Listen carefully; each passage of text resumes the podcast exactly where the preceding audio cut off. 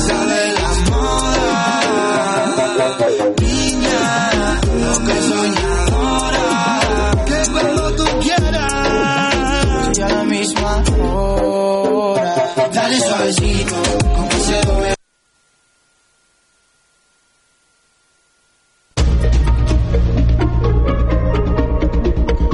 Notícies en.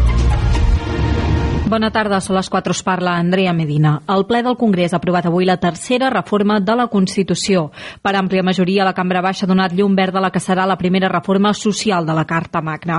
Tot plegat amb l'objectiu de treure el terme disminuït de l'article 49 de la Constitució. Només Vox s'ha despenjat de l'acord. En un clima d'extrema polarització i distanciament entre el PSOE i el PP, els dos partits majoritaris han votat a favor de la reforma per substituir aquest concepte de disminuïts pel de persones amb discapacitat i el president del govern, Pedro Sánchez, ha dit que calen més acords i més reformes. Señorías, podemos discrepar, podemos debatir, pero también tenemos la extraordinaria oportunidad y la obligación de acordar para mejorar la vida de la, de la gente, de los ciudadanos de a pie. Hoy aprobamos una reforma constitucional que cuenta con un amplio respaldo del conjunto de la sociedad. Voten lo que voten. Pero existen muchas otras reformas en las que los ciudadanos y ciudadanas están esperando que lleguemos a acuerdos. Amb aquesta reforma constitucional, la Carta Magna esborra la paraula de disminuïts per passar a persones amb discapacitat, una històrica reivindicació del col·lectiu. Encara en clau parlamentària, el Congrés debatrà i votarà la llei d'amnistia el pròxim 30 de gener, segons fonts parlamentàries. La norma ha superat aquest dijous el tràmit de ponència que ha incorporat al text les vuit esmenes pactades entre el PSOE, Sumar, Esquerra, Bildu i el BNG. I han votat a favor tots aquests grups i també Junts, que se n'havia despenjat dimarts. El PSOE ha tancat la porta a la resta d'esmenes proposades pels grups, entre les quals hi ha les que van presentar Esquerra i Junts per separat per blindar l'amnistia per als investigats del Tsunami Democràtic i el CDR. Unes esmenes, però, que queden vives i es debatran en comissió dimarts de la setmana que ve. Si tampoc hi ha acord, arribaran vives al debat del ple. Per cert que el PSOE ha inclòs l'amnistia al text de la seva convenció política d'aquest cap de setmana. Cinc municipis del Baix Llobregat, Cervelló, la Palma de Cervelló, Corbera de Llobregat, Sant Vicenç dels Horts i Vega seran els primers on es reduirà la pressió de l'aigua de la Xeta. Serà de forma imminent, segons ha anunciat l'àrea metropolitana de Barcelona, que avui ha explicat el pla als 36 ajuntaments que formen part de l'ENS. Els cinc municipis superen els 200 litres de consum per persona i dia, el límit permès quan s'entri en emergència per sequera. I en la plana cultural, Juan Antonio Bayona continua col·leccionant nominacions amb la Societat de la Nieve en la temporada de Premis Cinematogràfics Internacionals. La producció de Netflix ha estat escollida aquest dijous com una de les cinc candidates a millor pel·lícula de parla no anglesa als BAFTA, uns guardons que atorgarà l'Acadèmia Britànica de Cinema el 18 de febrer. Fins aquí les notícies en xarxa. Notícies en xarxa.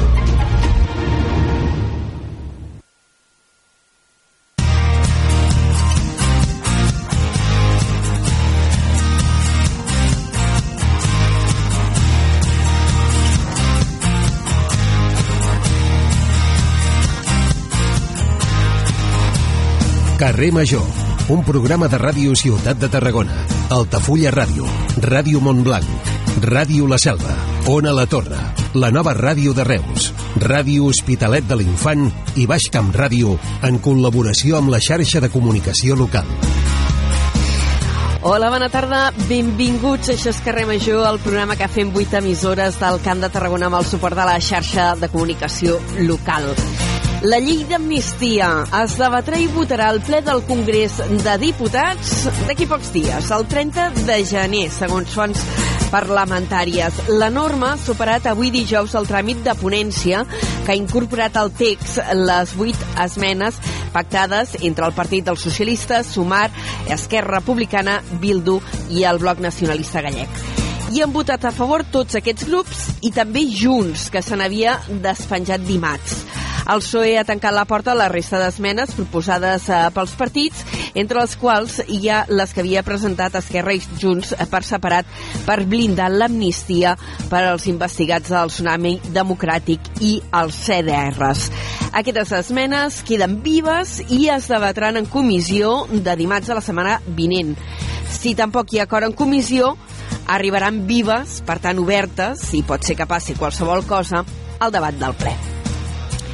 I en paral·lel, el Partit Popular ha dit que les informacions que han anat apareixent aquests últims dies sobre l'operació Catalunya, ja ho sabeu, aquella guerra policial política per intentar mm, investigar i abocar merda una mica, si em permeteu l'expressió, sobre la gent que estava eh, implicada en el desenvolupament del eh, procés, són una cortina de fum per tapar tot aquest eh, procés d'amnistia. El portaveu dels populars, eh, Miguel Tellado, sosté que els socialistes volen amagar el fet que la democràcia està amenaçada per Sánchez. El PSOE és una sombra del que va ser un partit humiliat per l'independentisme. Són les paraules textuals d'avui d'aquest eh, portaveu dels populars, del Partit Popular, en Miguel Tellado. I encara una altra notícia d'interès, aquest àmbit més general. Les emissions de gasos amb efectes eh, hivernacle han caigut un 5,5% durant l'últim any a Catalunya. Els resultats mostren una tendència a la baixa en el consum de combustibles fòssils. Una dada que hem conegut avui, justament en què s'ha anunciat que la zona de baixes emissions de Tarragona s'aplicarà de manera progressiva a partir de l'any vinent, del 2025 i fins al 2027. Això és Carrer Major, són 8 emissores al Camp de Tarragona. Des d'ara i fins les 6 de la tarda us estarem acompanyant tot l'equip que fem possible aquest programa. Liri Rodríguez, l'Aleix Pérez, en David Fernández, la Gemma Bufies, la Cristina Artacho, l'Adrià Requesens, en Jonai González, en Pau Corbalan, l'Antoni Mellados, Antoni Mateos, jo mateixa que sóc l'Anna Plaça, i el Iago Moreno, que el tenim al control tècnic. Comencem.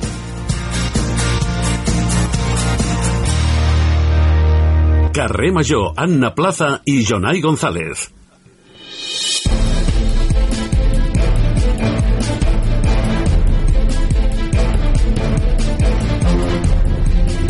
Quatre i sis minuts, moment de repassar en forma de titulars les notícies més destacades del dia al Camp de Tarragona. Jonai González, bona tarda. Molt bona tarda. Noemí Llaurador creu que l'àrea metropolitana de Tarragona s'haurà de concebre com una ciutat única. Així ho ha anunciat avui a Reus en un esmorzar amb els mitjans de comunicació.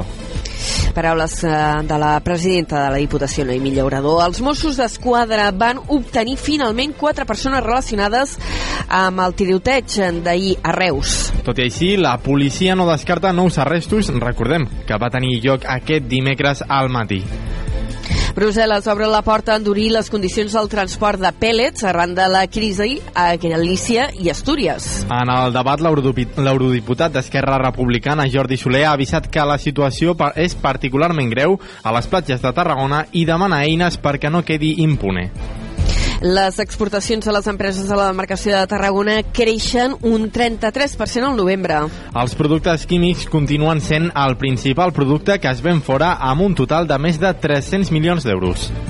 La URB ha desenvolupat una tecnologia per poder generar hidrogen eh, fent servir radiació solar i aigua residual.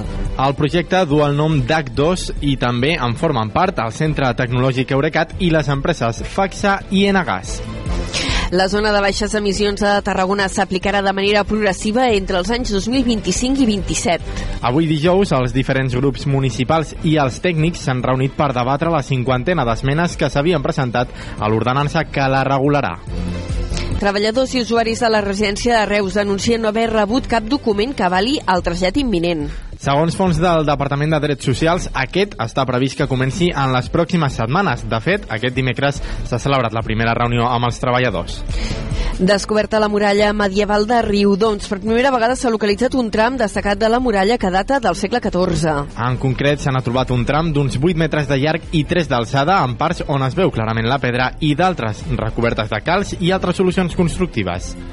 En cultura, avui s'han presentat els detalls de l'any Àngel Guimarà, que reivindica l'activisme catalinista i pels drets humans del dramaturg vendrellenc amb més projecció internacional. La commemoració arrencarà al Vendrell el 23 de febrer i comptarà amb projeccions, teatre, jornades i també exposicions. Moltes gràcies, Jonai. Tot això ho ampliarem d'aquí una estona, d'aquí mitja hora aproximadament, amb l'informatiu de la primera hora de carrer Major. Fins després. Fins després.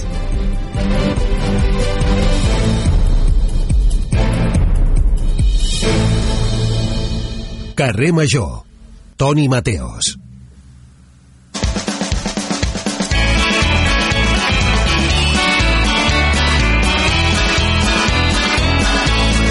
Ai, Déu meu. Ai, Déu meu, estava, estava ara mateix escrivint, escrivint una... Què estàs escrivint un escrivint? mis- estava escrivint un missatge Sí? per a veure si ens eh, donen una entrevista la setmana vinent. De què, digue'm? De, vull parlar amb, eh, amb un pilot de Cambrils, l'Ivan Cervantes, Ah, sí que em sona molt. Mira que jo Que no partic- controlo sí. res, però Sí. sí, aquest xic em va sonar, me sona cinc, moltíssim. cinc vegades campió del món I em pot sonar. d'enduro, Ah, amigo, ser. i que també doncs, eh, va participar al Dakar fa uns anys i vull parlar amb ell de l'experiència seva al Dakar, de la trista notícia de la mort del pilot tarragoní del Carlos Falcón, Ai, etc sí, quin desastre.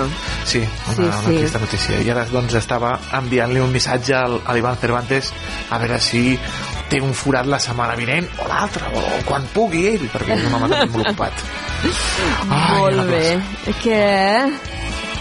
Ai, tu? m'estic mirant, mira, és que avui entrevistarem uh, ara d'aquí no res el Jordi Romera, que és el president del Col·legi d'Arquitectes de, de Tarragona i m'estava mirant el catàleg, diguéssim, de les obres guanyadores d'enguany de, del Premi Alejandro Lasota, que és el Premi d'Arquitectura que convoquen, i hi ha coses tan xules, tan si meravelloses. si tinguéssim diners a la plaça, Si tinguéssim quartos, si eh? tinguéssim quartos i terreno, ai, Ah, quartos. Mira, mira, jo terreno en tinc. no tens els quartos, no? bueno, quartos per fer el que voldria. Mira, encara no, no, puc, no, no puc plorar massa. Hi ha gent que està molt pitjor. No ploraré, no ploraré. Sí, sí. Jo tinc un amic que és eh, arquitecte, l'Eloi Camacho, que fa unes Sí? coses, fa unes coses, Anna, que dius Meravelloses. tu... Mar mar meravelloses. Segur que el, que el president del, del Col·legi d'Oficial d'Arquitectes de Catalunya coneix aquest, l'Eloi Camacho. Sí, Eh, fa que sí, fa unes- que sí. És que ja el tenim assegut a Ràdio Ciutat de Tarragona i en crec que ens està escoltant i fa que sí amb el cap. Pues, pues fa que sí amb el cap. Doncs l'Eloi, que és Fa un que sí noi el jove, és fastigosament jove i fa unes coses... Oi, quines Meravelloses. Ai, si tingués diners a la plaça. Ai, if I were a rich man. Va, Bada, bada, bada. de Badú. Toni Mateus, què fareu a les 5? Mira, eh, avui l'Aleix eh, està de viatge i hem fet canvi de cromos eh, perquè a les 5 començarem amb ODS amb la Cristina Urbina que és la professora del Departament d'Enginyeria Mecànica de la URB parlarem sobre un projecte d'incentivar la ciència als estudiants de primària. En els col·laboradors avui toca gèneres i parlarem amb Bàrbara Casas impulsora d'Orgull Ridomenc un col·lectiu LGTBIQA+, que es presentarà aquest dissabte. La furgoneta, la Cristina Artacho, va parlar amb una propietària de Pilates Tàrraco, o sigui que avui Pilates, I s'anava a fer esport, la Cristina. Sí, a fer esport. I més esport perquè eh, trucarem a l'esportista reusenc amb el Abdesamat Oukelfen, guanyador bueno, va batre el rècord nacional dels 10 quilòmetres amb un temps increïble amb aquest esportista reusenc doncs parlarem amb Sí? ell i tancarem amb la banda sonora amb música amb el David Fernández Molt bé. Que bé? Doncs tot això a partir de les 5 i ara nosaltres parlem d'arquitectura i urbanisme i coses d'aquestes que a mi també m'agraden. Ai, Sí, si sí. tingués diners Ai, if you were a rich man. Dur No. Toni, fins després. Fins Adéu. després, Anna, adéu, adéu Cada tarda de dilluns a divendres fem parada a Carrer Major.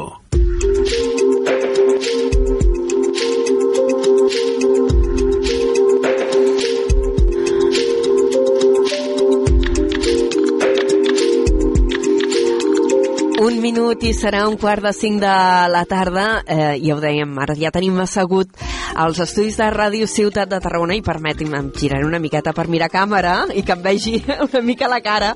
En Jordi Romera, ell és el president del Col·legi d'Arquitectes de, de Catalunya amb la seva delegació a Tarragona. Senyor Romera, bona tarda, benvingut. Molt bona tarda. Ara s'estava sentint, m'ho estava passant bé, sí, sí, està molt bé. Sí? Està molt bé. El coneix, aquest eh, jove arquitecte que comentava sí, el... el... el conec, és, és, és, és molt bon company meu, sí, sí, evidentment, sí, sí.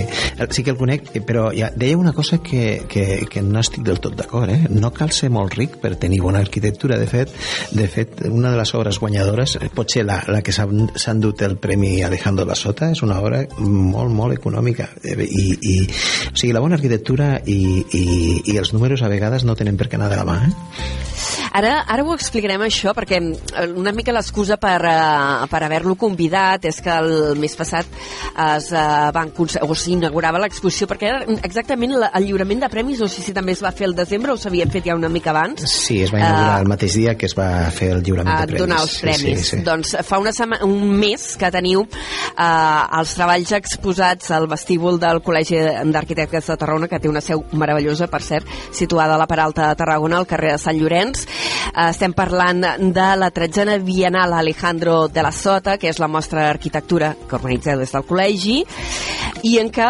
mm, cada dos anys eh, preveieu els eh, treballs destacats que s'han fet al, al territori i que mostren també noves tendències en, en l'arquitectura. Una mostra que, per cert, mm, està a punt d'acabar-se, perquè l'haureu tingut un mes eh, allí al col·legi, però que rodarà, no? Entenc? Sí, demà, demà la desmuntem a Tarragona, però té, té recorregut. M'imagino que, que anirà, tenim previst que vagi a Reus, tenim que vagi va, per diversos llocs. Ara no tinc la llista de llocs, però sí, sí, ara, ara surt d'aquí per anar d'excursió, sí, sí. Per anar d'excursió i per això també vam pensar, encara que s'acabi demà al Col·legi d'Arquitectes, com que anirà tombant pels llocs, doncs aprofitem per parlar-ne i, i una mica d'aquestes noves tendències en l'arquitectura, perquè ara vostè deia, dir, potser no és tan car, i de fet si anem repassant eh, el dossier, que, que es pot consultar també a través de la vostra pàgina web, uh mhm. -huh. en què hi ha totes les obres seleccionades i les premiades, veiem no sé si m'atreviria un canvi d'estils amb cada vegada materials més naturals, més fusta, he vist molta, molta fusta. Eh, sí, et, et, et sento molt perceptiva, molt bé. Ha, hi ha, no, hi ha, hi ha com una... Eh, ara no, no, no vull estigmatitzar diferents, perquè els projectes poden ser bons de moltes maneres, eh? no cal que estigmatitzar, per, per, però sí que és cert que el, el, s'està transmetent o, o els, els arquitectes, els companys transmeten un missatge amb les seves obres, un missatge de molta qualitat formal i, i, i, i però mm, transmeten missatges eh, socials de sostenibilitat i, i missatges que jo crec que són tan importants com el, el que a més a més sigui fantàstic i, i que millori la vida de les persones, que és el que fa l'arquitectura, millora la vida de les persones. Però eh, quan, quan dèiem abans d'obres cares, ara em venia al cap mm. la, la que ha guanyat la Bienal, eh, és una obra que és... La, és la Bienal en quina, en quina categoria? Perquè estic repassant i ho sí, explicarem sí, quina és. Hi ha, hi ha, eh, hi ha diverses categories. Eh, abans de dir-ho, sempre explico que quan fem aquests premis des de, i premis, que és una mostra, que és un premi, eh, de, ho fem per, per, per un triple motiu, no? Fem aquest premi per, per, per, en, per recopilar no? tota la bona arquitectura que es fa a la demarcació, ho fem també per, per reconèixer no? els companys que, que fan la feina d'una manera excepcional i per últim també per divulgar-la, perquè tots els que vivim aquí siguem conscients de, les, de, de, de l'arquitectura d'alta qualitat que es fa també a les nostres contrades, no? I això és important. Llavors, tenim diverses categories, eh, tenim tenim, la categoria d'ús públic, eh, de nova planta d'ús públic, de nova planta d'ús privat, d'obres de restauració, rehabilitació i reforma. Tenim també la d'espais urbans, parcs, jardins, intervenció del paisatge i urbanisme i d'intervencions en espais interiors i muntatges efímers. D'aquestes obres, eh, ara en parlava, després hi puc parlar d'altres, eh, però ara en parlava precisament de la que té, a més, hi ha un premi extraordinari que donem a, a la que el jurat tria, donem no, però jo no dono sí. res, hi ha un jurat, un jurat, un jurat, en aquest cas un jurat, eh, sempre portem mm, persones de, de reconegudíssim mm, bagatge arquitectònic per, per, pel jurat i, i en aquest cas va ser la, el, el despatx mm, hi havia, estava el despatx de, de, que liderava la Olga Felip d'arquitecturia eh, també estava la Carlota Gispert de Cierto Estudio i després també estava la, la Mònica Alberola que venia en representació de la Fundació Alejandro de la Sota Val. I, mm. i, i, i va ser, i jo crec que hi van fer una tria, i ara parlava d'aquesta primera obra, que és la que li donen el reconeixement extraordinari, que és el Premi Alejandro La Sota, que va ser un, un laberint, és un lloc que es pot trobar al Parc de Sant Jordi del, de, sí. de, de Reus, que no deixa de ser un lloc infantil, eh, muntat amb una estructura metàl·lica, molt senzilla, molt... Molt senzilla, molt, sí, a la molt, fotografia. Molt, molt amable, on els nens juguen, se barregen i, i fan de l'arquitectura i d'un petit laberint amb transparències, a sota d'arbres, eh, fan com un, una, una, una activitat molt experiencial. I jo crec que, i, i, i darrere d'aquesta obra, que és molt senzilla, hi ha un missatge, i un missatge és que eh, es pot fer molt bona arquitectura amb, amb, amb, amb molta senzillesa, amb, amb, molta, amb molta, molta gràcia i fer-la molt participativa i fer-la molt, molt el que volem, no? que, que la gent la visqui i, i, i la gaudeixi. No? Hi ha obres... I, I aquest missatge que tu deies no? que s'està donant, doncs sí, és veritat que hi ha molta fusta, hi ha un missatge de sostenibilitat, però també d'una d'una simplicitat de mitjans, que també jo crec que és una qüestió que s'està posant damunt de la taula, de molt de respecte a lo que hi ha i a l'existent, perquè tant el Premi de Rehabilitació, fins i tot com el d'ampliació d'obra nova sí. eh, d'habitatges, que és una remunta, doncs estem donant també un missatge de, de diguem, de conservar aquesta obra de, de, de tous arquitectes que, que, que, que creix damunt d'un edifici d'aquí de Tarragona eh, sí. o, o, o l'obra que ha guanyat el Premi de Rehabilitació que és un, feta amb una gran sensibilitat que és el de Mas Tutusaus eh, en la que han col·laborat tant el despatx de, de Nou Arquitectures amb, el, amb, amb, amb, amb l'Ajuntament de, de, de Reus, no? de Reus. l'Ajuntament de que Reus. És, sí. és un maset d'aquests petits eh, sí. de les afores de Reus que mm, eh, ha quedat preciós, la veritat. Que, i, I el que demostra és que eh, la sensibilitat es pot trobar a tot arreu, no? I, i, i posar-la en valor i posar en valor la, la, la història o les petites peces que ens trobem també forma part de la nostra feina i, i posada en valor d'aquesta manera doncs fa molt de goig. La veritat és que és una manera de...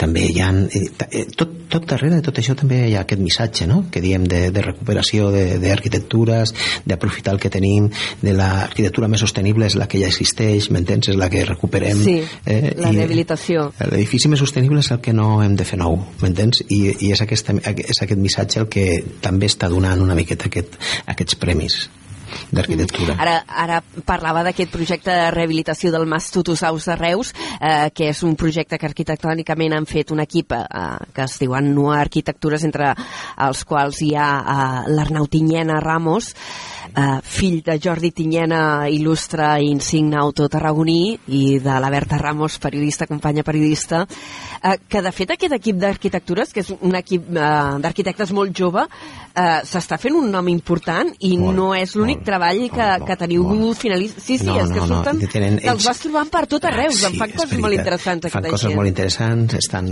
tenen una, com una projecció no solament nacional, sinó internacional en aquests moments.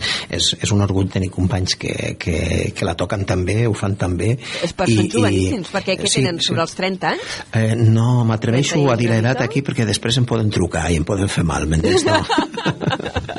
jo sé que són sí, molt joves perquè són, són bastant més joves són, que són, jo. Són joves, són 30, 30 i alguna 30 i alguna cosa. 30 anyeros, sí, sí. Eh, I fan molt bé tant, tant el, el Ferran com, com l'Arnau com, com la, la Maria. Eh, són, mm. són un equip que, que amb molta trempera que ho fan molt bé, la veritat, sí. No, I després, no, i tenim, tenim obres també, ara no, no, eh, no vull deixar cap, no? però per exemple també està Nacho Álvarez de, de, que fa un, amb, amb l'Aina Macedo que han fet una, una botiga a Tarragona que es diu La Roig, que és una botiga que, que, que amb una extraordinària simplicitat de mitjans també eh, fan unes és una peces... sabateria, és una eh? sabateria, la vaig sí. descobrir, sí, sí, sí. El, a la zona peatonal de Tarragona, sí. al centre. Sí, ah, potser, potser li senta més bé no tenir tantes sabates a les, a les prestatgeries, però, però, però la veritat és que fa molt de goig i, i, i el que vull dir és que mm, s'estan fent és, hi, ha, hi, ha, hi ha una manera de fer hi ha un missatge, no? Hi ha un missatge també i no em vull deixar eh, que, que, que a, a, a l'Anna Bastús i, i una peça molt maca també, que és, que és com una mena de, de, de peça de serveis de, de, per, per, per el càmping Sangolí que és la que han premiat com a obra, obra nova com, com li diem? És que està quedant amb el nom una miqueta. És, sí, el pavelló, li volem dir pavelló de banys, no? Com un pavelló sí. de banys. Eh, Nova fantàstic. planta d'ús públics, edificis sanitaris de Salaus, el campus, Sí, sí, el càmping eh, Sangolí a Navastús. Imagina't, que és Gràcies curiós, no? Que deia, És que és curiós, no? Que- Sí, sí. no? És, és un edifici d'una gran simplicitat, línies rectes, eh, jo- fins i tot me'n recordo una mica el pavelló Miss Van der Rohe de Barcelona, aquella cosa tan recta, tan, tan, és- tan, buscant simplicitat, i en aquest cas, en lloc de marbre, Sí. hi trobem fusta. Bueno, i, i, i, i, i perquè jo, i aporta altres valors, no? que una miqueta que s'intrinca una miqueta en els espais l'interior-exterior es perd en algun moment i fa que tot sigui com... Sí. O sigui, aquesta, aquesta idea d'estar dintre fora, de, de, de, de perdre, d'estar, no saps si estàs dintre d'un espai, eh, aqu- aquesta manera d'entendre que tot, tot, bueno, doncs està molt bé. La veritat és que fa, fa, aqu- aquestes, aquestes qüestions són les que els arquitectes en fan, ten, fa goig. I, evidentment, la, les obres que es van presentar, es van presentar moltes més obres que ara no podem nomenar, però que, que agraïm molt i que tenen molta qualitat i que al final no deixa de ser una mostra el que passa, m'entens? I, I hi ha molta qualitat en, en, en, en, en molts companys que presenten la seva feina i jo crec que està molt bé que es reconegui la feina que fan. Eh, Ara aquests abanderen una miqueta, doncs, però ja, si qualsevol que visiti l'exposició veurà també el, els finalistes i veurà també les obres seleccionades i que no solament hi ha bona arquitectura en els, en els, en els, en els guanyadors, no? que hi ha bona arquitectura també en els, en els que han arribat, a, en, els que, en totes aquestes obres que s'han presentat i s'ha d'agrair. Mm -hmm. Als arquitectes us agrada veure les obres dels uns als altres, no entenc, també? Jo- També jo crec que- intercanvi d'experiències. Jo crec que és fonamental per, per fer, o sigui, no conec un arquitecte que, es pre, que vulgui ser o cregui que pot fer bona arquitectura que no es passegi i vegi l'arquitectura, la visqui, la miri, la gaudeixi, la, la copiï, la, la toqui, la, la pal... o sigui, al al cap i a la fi nosaltres vivim de, de, dels nostres referents sempre com, com a arquitectes, referents que anem, que anem alguna vegada repren, reprenent, a vegades abandonant, a vegades... O sigui, tenim aquesta mirada sobre, sobre tot el que ens envolta, no solament lo construït, sinó lo natural, lo que... La, la, la, tenim molts referents quan, quan fem arquitectura i, i evidentment s'agrada, clar, i, i tenim un, hi ha un, a vegades tenim un bon fric i ens agrada fer viatges solament per veure arquitectura. Bueno, jo crec que quan viatgem, això de veure arquitectura i edificis i llocs eh, bonics ens agrada, ens agrada gairebé a tothom, encara que no ens ho mirem des de la mateixa perspectiva professional que ho podeu fer vosaltres. Escolti'm, senyor Romera, hi ha una entreobra seleccionada, perquè dius, clar, parlem d'arquitectura, ja, però parlem d'arquitectura i parlem d'urbanisme també, perquè eh, un dels treballs sele seleccionats en aquesta eh, edició de la Bienal Alejandro La Sota, en la categoria d'espais exteriors, espais urbans, parcs, jardins, intervencions en el paisatge i urbanisme, Atenció, hi trobem les directrius del planejament urbanístic de l'àmbit metropolità del Camp de Tarragona. Sí, evidentment. Hi ha, hi ha, mm, quan se fan... Eh, hi ha una feinada impressionant de- eh, d'estudis de, i d'una mirada, una mirada, eh, com te diré, una mirada molt àmplia de- d'una realitat que vivim, una realitat metropolitana, ara, fins i tot em puc posar seriós ara. Eh? Diu, de, Sí, sí, pues- de, de, no, de una realitat metropolitana eh, nostra, una realitat d'una d'una complexitat eh, fantàstica, d'un territori molt viu, amb, amb, amb, amb moltes capacitats tant, tant per ser com per, eh, per esdevenir i, i, i, per, i, i no solament ens podem dedicar a parlar d'aquestes coses, sinó hem de tenir molta informació i, i, i, quan, i quan se fan aquests estudis en els que, en els que, que apareix eh, aquesta informació queda reflexada, queda mirada, hi ha moltes mirades sobre diferents aspectes, doncs evidentment si no tinguéssim aquestes mirades no podríem entendre què ens passa al territori i com podem actuar. No? Jo crec que és un, eh, actualment hi ha un tema que està damunt de la taula que, és, que és, també és vanguardia, que és la manera d'atendre el nostre territori en aquest moment. Un territori molt, molt interessant perquè, perquè és com totes aquelles zones que estan en període de transformació, en període de canvi o en, període, o, o en aquells punts d'inflexió jo crec que el nostre territori està en un d'aquests punts d'inflexió que és molt, molt, molt interessant. I per això no solament nosaltres sinó les escoles, sinó, sinó els arquitectes, les escoles, el, els municipis i els equips tècnics dels municipis estan molt, molt, molt, molt interessats i molt atents a tot el que pugui passar i, i com pot desenvolupar-se tot el que tenim ara i hi ha molta gent pensant en aquests moments eh, parlem d'urbanisme, de com ha de ser el desenvolupament del nostre territori eh, en un futur. Eh, ara fa molt poquet la, la Generalitat eh, va aprovar el pla director, diguéssim, de l'àmbit eh, eh, litoral que restringeix la construcció en espais que a priori han de, han de quedar protegits. No? Des, de, des del Col·legi d'Arquitectes, eh, eh, com, com veieu com s'ha fet aquesta regulació? Doncs eh, ho veiem amb, amb naturalitat i, amb, i com ha de ser, o sigui, hem passat, hem passat, o sigui, s'havia de posar una miqueta d'ordre i, i de límits. Ara no, no estem en aquella fase en la que eh, podem, o sigui, ara ja tots som conscients de que no estem en aquella fase de que, de que podem créixer eh, indefinidament per tot arreu, que podem ocupar-lo tot i que tenim dret a fer-ho. Jo crec que, mira, l'altre dia es va presentar una revista al col·legi, una revista molt interessant, que presentaven dos companyes del col·legi, entre elles la Maria Rius i l'Elena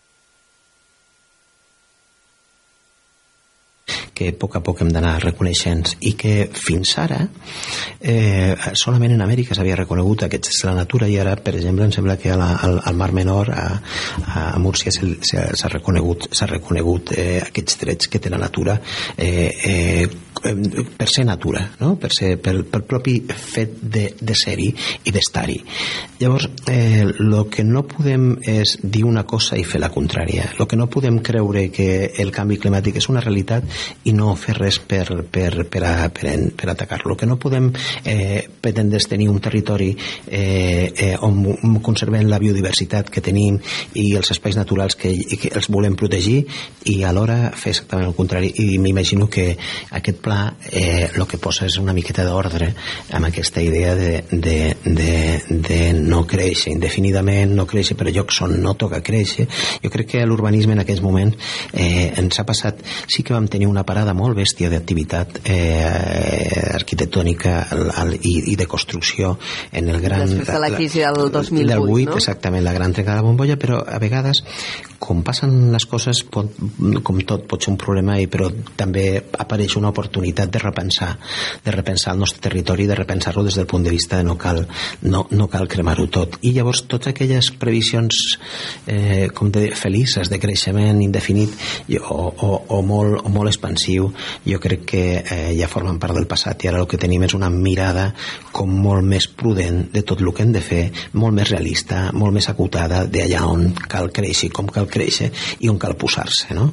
i jo crec que en el fons és el, és el gran debat i, i, i precisament una de les zones més fràgils que tenim en aquests moments és el litoral eh, fràgil de tots els sentits per especulació immobiliària fràgils per, per, pel canvi climàtic eh, fràgils perquè els ecosistemes cada vegada estan més acotats i, i, i, i a vegades i, i en el fons tots sabem en, íntimament que ens encanten tenir uns espais eh, reconèixer aquests espais naturals i tenir-los a prop però també hem de tenir capacitat per conservar-los i el planejament el que fa en aquest cas és atendre aquesta, aquesta necessitat Eh, de fet, de, de processos de planejament urbanístic en tenim uns quants en, en marxa. D'una banda hi ha aquest eh, del planejament urbanístic de l'àmbit metropolità del Camp de Tarragona, que està en procés d'elaboració, eh, que depèn eh, de, de la Generalitat. Eh, vosaltres, en aquest cas, heu eh, premiat o heu distingit o seleccionat, eh, en aquest cas seleccionat, eh, com a hora finalista, les directius del planejament, eh, que mm, entenc que si ho heu seleccionat és perquè considereu eh, que els treballs treballs previs de definició de com ha de ser aquest eh, pla urbanístic eh, metropolità eh, s'està fent bé? Sí, s'estan fent bé. S'estan fent bé. Eh, hi, ha, hi ha un treball molt intens, hi ha un treball molt, molt, jo crec que molt ben dirigit i molt ben mirat. Cada vegada els professionals tenim, cada vegada tenim, tenim eines i les aprofitem i, i, i hi ha molts bons professionals que estan treballant en, en, en entendre. Sobretot eh, cal entendre i cal saber. O sigui, eh, al cap i a la fi quan tu planeges eh, hi, ha, hi ha una part hi ha una part d'una realitat que existeix i hi ha un, també un, unes expectatives en les que tu t'has d'incorporar. Eh, moltes vegades eh, el que no podem fallar és el que si, si coneixem que és, que és el que existeix. Podem fallar una miqueta en entendre bé les expectatives però no podem fallar en el que tenim. I, i, i precisament quan se fa un, un, un bon reconeixement del territori un bon coneixement de les infraestructures que tenim un bon reconeixement de, dels processos tipus de, de, dels fluxes que tant, tant de, de, de transport com de persones com de, eh, quan tenim tota, tota un anàlisi ben fet és molt més fàcil no equivocar-te tampoc en les expectatives I, i, i aquí és molt necessari tenir molta informació i bona perquè esdevingui el millor per tots no? que és el que creiem això a nivell de Camp de Tarragona, però a nivell de Tarragona Ciutat també eh, torna a haver-hi sobre la taula la definició del Pla d'Ordenació Urbana Municipal, perquè es va haver de tirar enrere per, eh, per un tema judicial eh, l'últim que s'havia aprovat. Eh, des del Col·legi d'Arquitectes, com veieu el uh, procés? Eh, jo n'havia parlat feia anys amb, amb l'anterior president, amb en Joan Tous. Sí. I, jo recordo que ell era molt partidari d'anar ocupant, diguéssim, espais buits, d'anar relligant ciutat, de mirar també cap al riu. El Jordi Romera, com ho veu? Exactament igual. O sigui... Exactament igual. Sí, eh, és... Eh, mira, eh, evidentment ja, ja, ja el, el planejament, o sigui, ja tenim moltes realitats, eh? o sigui, vull contextualitzar-la una realitat metropolitana que estem parlant, o sigui, Tarragona ha de ser una ciutat eh, que ha de mirar cap als seus veïns, perquè a més a més la nostra re realitat metropolitana està lligada a, a, a, a, a les ciutats que la fan possible, en aquest cas eh, Tarragona està tocat de Vilaseca i està tocada de Reus i, aquesta, i, i Tarragona de mirar cap a Vilaseca i Vilaseca de mirar cap a Reus i cap a Tarragona i Vilaseca de mirar cap a Salou i, i, i les ciutats ens hem de mirar ens hem, hem, de, hem de tendir a, a, a connectar-nos més bé perquè, perquè a vegades parlant moltes vegades amb el Joan Tous hem dit que, que és que Tarragona, aquesta cosa que, que aquest, aquest camp, aquesta àrea, zona metropolitana el que és indubtable que és una mena d'única zona laboral en la que tots ens movem tranquil·lament, o sigui, la gent que viu a Reus treballa a Tarragona, gent que treballa a Tarragona viu a Reus, viu, treballa a Vilaseca treballa a Salou, treballa no sé què per tant ja ens movem permanentment pel camp de Tarragona com si fos el nostre espai el nostre hàbitat. I llavors el planejament primer que ha de reconèixer aquesta realitat metropolitana i després ha de fer una feina molt important que és, que és cohesionar, eh, relligar, eh, eh, ocupar aquests intersticis que han quedat buits, aquests espais que fan, que a més a més són una oportunitat perquè passin aquestes coses, aquestes trobades entre, entre, entre, entre, entre, les, entre les Tarragones no? I, i, i, i fins i tot apostar per noves realitats que, que la poden fer tremendament interessant. Jo crec que eh, jo també ho he dit diverses vegades, dic, estic, eh, està, el planejament de Tarragona està en molt bones mans, els tècnics la veritat és que són molt bons, ho fan molt bé i, i, i afortunadament i no ho dic perquè siguin eh, per, per, com te diria, per corporativisme eh, arquitectònic, no ho dic per això no, no, no ho faig per això ho faig perquè sóc conscient de que és realment així o sigui que, que eh, confiem en ells i confiem en la feina que fan perquè són una màquina de, de rebre informació, de processar-la, de tenir-la, de pensar-la, de mirar-la i, i us puc ben assegurar que solament pensen en el bé comú. I, aquest, i aquesta és una de les garanties que sí que podem tenir amb aquest, amb aquest, amb aquest equip que conec que són, té una gran honestitat i una gran professionalitat Eh, senyor Romera, hem parlat de nova arquitectura, hem parlat ara d'urbanisme, però no voldria que marxés sense parlar eh, de patrimoni arquitectònic, eh, perquè dies enrere teníem aquí el programa en Josep Maria Boqueras parlant de, de Jujol, ara cada més fa poques setmanes que va morir eh, el seu fill, en Josep Maria Jujol Júnior. Eh, què passarà amb l'arxiu Jujol? Perquè em va dir que per part del Col·legi d'Arquitectes hi havia alguna cosa en marxa. Bueno, el, el primer importantíssim. El, vam tenir la fortuna i, i vam agrair molt a la família Jujol que ens fes donació d'arxiu. De fet, actualment, el, el, gran part de l'arxiu Jujol, que és la part que eh, el col·legi desitjava i, i volia cuidar, custodiar i promoure i divulgar, que era la part seva d'arxiu arquitectònic, el tenim al Col·legi d'Arquitectes de Tarragona. Fins i tot amb la condició de que hi ha una part que també està a Barcelona vingui a Tarragona. Per tant, eh, el Col·legi d'Arquitectes de Tarragona concentrarà, eh, custodiarà i vetllarà per la seva difusió l'arxiu Jujol que, i, ens, i això la veritat és que ens honora. Eh, amb aquesta voluntat de que l'arxiu Jujol esdevingui una realitat, fa molt de temps que el Col·legi d'Arquitectes està treballant per buscar una solució, un camí, una oportunitat per poder eh, fer un, un, un, un tenir un, un lloc físic en el que això pugui passar i que no sé, sigui solament un espai d'estudi, sinó sigui un espai també de coneixement i d'interpretació i, de, i de valoració. Llavors teníem, nosaltres teníem un, un projecte, una idea en la que vam estar molt a prop d'assolir-la, eh, que, era, que era aprofitar un edifici que tenim al costat del col·legi en el que nosaltres podríem cedir amb la voluntat de que les administracions, o sigui, nosaltres cedíem l'edifici, nosaltres també posàvem a disposició l'arxiu, mentre que les administracions podien acabar de fer les inversions necessàries i amb uns recursos relativament limitats podíem aconseguir un gran resultat. Eh, bueno, eh, som, som, estem a l'expectativa, vam estar molt a prop d'aconseguir aquest objectiu, les eleccions van fer un, un, doncs, com sempre, una interrupció en aquest procés i, i, i estem en la línia de reprendre aquesta, aquest, aquest, aquest fil que es va quedar interromput però bueno, eh, la, la, la, hi ha un missatge molt important. Quan diem que està, parlem de Jujol eh, la gent potser no coneix o hi ha una certa, un, una certa desconeixença sobre el personatge.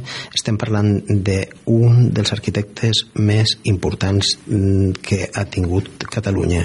I probablement que en aquests moments pot arribar a tenir més projecció internacional solament que eh, va tenir un únic problema que estava a l'ombra de Gaudí quan eh, jo crec que és un personatge que té, eh, podríem afirmar molts companys que, que coneixem, podria estar tranquil·lament al costat de Gaudí sense, i és com estava. Ell estava al costat de Gaudí, no tenia no treballava per ell, era el seu col·laborador tenia taula, ella a mano a mano feien les coses junts i tenia la seva pròpia producció fantàstica i, i m'atreveixo a dir que fins i tot amb més modernó que, que Antoni Gaudí en alguns aspectes. Actualment tremendament actuals eh? o sigui, aquesta capacitat capacitat que tenia sobre restaurar, eh, sobre... sobre I de reaprofitar, eh, no? Reaprofitar, quals, reaprofitar. Tots els materials, aquí no sense res. No és sense res. Ferro, sí. És igual, jo em faré forja, és igual. Sí, exactament, exactament. És d'una actualitat salvatge. Aquest, aquest, i, I la veritat és que estem, eh, estem molt contents. I, a més a més, jo crec que Tarragona ha d'apostar eh, ferotgement per aquest tema perquè és un dels grans personatges, perso personatges il·lustres que té la ciutat. Dels grans, eh? de veritat, que costa trobar una persona que pugui tenir tanta, tants, tants valors i pugui aportar tants valors eh, coneguts i reconeguts. I estem lluitant molt per aquest aspecte, sí. És que mirem tan enrere a vegades en el passat que el que forma part del nostre patrimoni contemporani eh, sembla que l'oblidem i, i per acabar li volia plantejar mm, un altre eh, treball arquitectònic que ara recentment s'ha posat en valor perquè ha sigut declarat bé cultural d'interès nacional que és el poblat d'Ifrensa de, dissenyat per Antoni Bonet Castellana eh, a la zona de Vandellós i l'Hospitalet de l'Infant, eh, poblat doncs, eh, que havia sigut el, els treballadors de, sí, de les sí, centrals és... nuclears, no? És, és un patrimoni que ara ens està costant, però comença, sembla, no?, que li sí, estem donant... és un tema que conec molt bé, per temes professionals particulars, els conec, el conec molt bé, i, i la veritat és que mm, és, ens fa sentir ens fa sentir bé mm, veure que es reconeix que, que l'arquitectura moderna, l'arquitectura, la bona arquitectura moderna té un reconeixement eh, com a bé patrimonial de primer nivell. La veritat és que és, un, en, és, és una de les últimes colònies industrials que es fan a l'Estat, vinculada a la central nuclear de Vandellós. Eh, estem parlant de, de, de, de, dels anys de principis dels 70, finals dels, dels 60, estem parlant d'aquesta època. Eh, S'implanta la central nuclear i es busca i es fa una nova, una nova, una nova implantació perquè els treballadors de la Central Pont té un lloc, un lloc fantàstic on viure i, i cal reconèixer que van, va fer una feina extraordinària perquè era un lloc en el que la veritat és que costava molt sortir-ne d'allà perquè ho tenien tot, no? Ho tenien des d'una gran escola, des d'uns equipaments fantàstics, des de, des de, i amb una qualitat arquitectònica in, in, in, difícil de millorar pel, pel moment i per la, i, i per, per la modernó, per lo que proposava, per la implantació en el terreny, per el seu respecte a la topografia, amb la mirada, amb l'espai que ha la mirada al mar, ara tot això s'ha transformat molt, però encara en aquests valors es poden reconèixer perfectament i la veritat és que fa molt de goig. I en aquests moments em, em consta que el, el, em consta i és així que l'Ajuntament eh, ha fet molts esforços per posar-lo en valor, cosa que és, eh, que, que eh, és un elogi, m'entens, perquè una institució municipal reconegui aquests valors i els vulgui posar fent una un, una, una, una instant una, una catalogació del bé en la màxima protecció, que és el bé cultural d'interès nacional i que s'ha reconegut com a tal, com, a, com, com, com a entorn de protecció i, i amb, amb, amb les avantatges i inconvenients que això suposa i, yeah. i, i, i esmerçant esforços econòmics i, i, i, i per posar-lo en valor i la veritat és que ja va ser hora que el patrimoni contemporani la veritat que sigui reconegut com a tal i se li posa, posa, i es posin al mapa no? d'aquestes coses que, que també és, són importantíssimes socialment eh? perquè estem parlant de, de, de era com, és, ja ho diu, és un poblat no, no estem parlant sí. estrictament d'un edifici on vivien uns masovers, estem parlant estrictament d'una zona on vivi, viscut molta gent i que molta gent recordarà els que tenim una edat, els que jugaven al, que estaven a l'escola Aster i jugaven, es trobaven a les Olimpiades escolars que estaven als de l'Aster, doncs aquella escola Aster era l'escola del poblat d'Ifrensa no? i arribaven a quasi totes les finals estaven molt ben equipats i tenien molts recursos. Estava molt bé doncs li he acabat toca, uh, traient un tema que, que veig que el toca de nivell més personal del que jo sabia. Sí, uh, sí. Li agraïm moltíssim al Jordi Romera, el president del Col·legi d'Arquitectes de, de Catalunya, a la delegació de Tarragona, que ens hagi acompanyat avui i hem parlat una mica de, de tot, una mica d'arquitectura contemporània, dels de, treballs que heu seleccionat enguany en aquesta Bienal Alejandro de la Sota, que és una mostra de la bona arquitectura que es fa al nostre territori. Hem parlat d'urbanisme, hem parlat de patrimoni. Moltíssimes gràcies i ja gràcies. tornarem a xerrar un dia o altre. No, no, jo estic a, a, la vostra, a la vostra disposició, jo podria passar molta estona parlant de moltes coses, sobretot jo, si m'agraden, eh? Tenim un, sí, tenim un informatiu sí, que, que exacte, si no no ens donarà exacte. temps. Moltes gràcies. Senyor Romera, Vinga, moltíssimes gràcies. Adéu-siau. Adéu, adéu. Carrer Major, al Camp de Tarragona, des de ben a prop.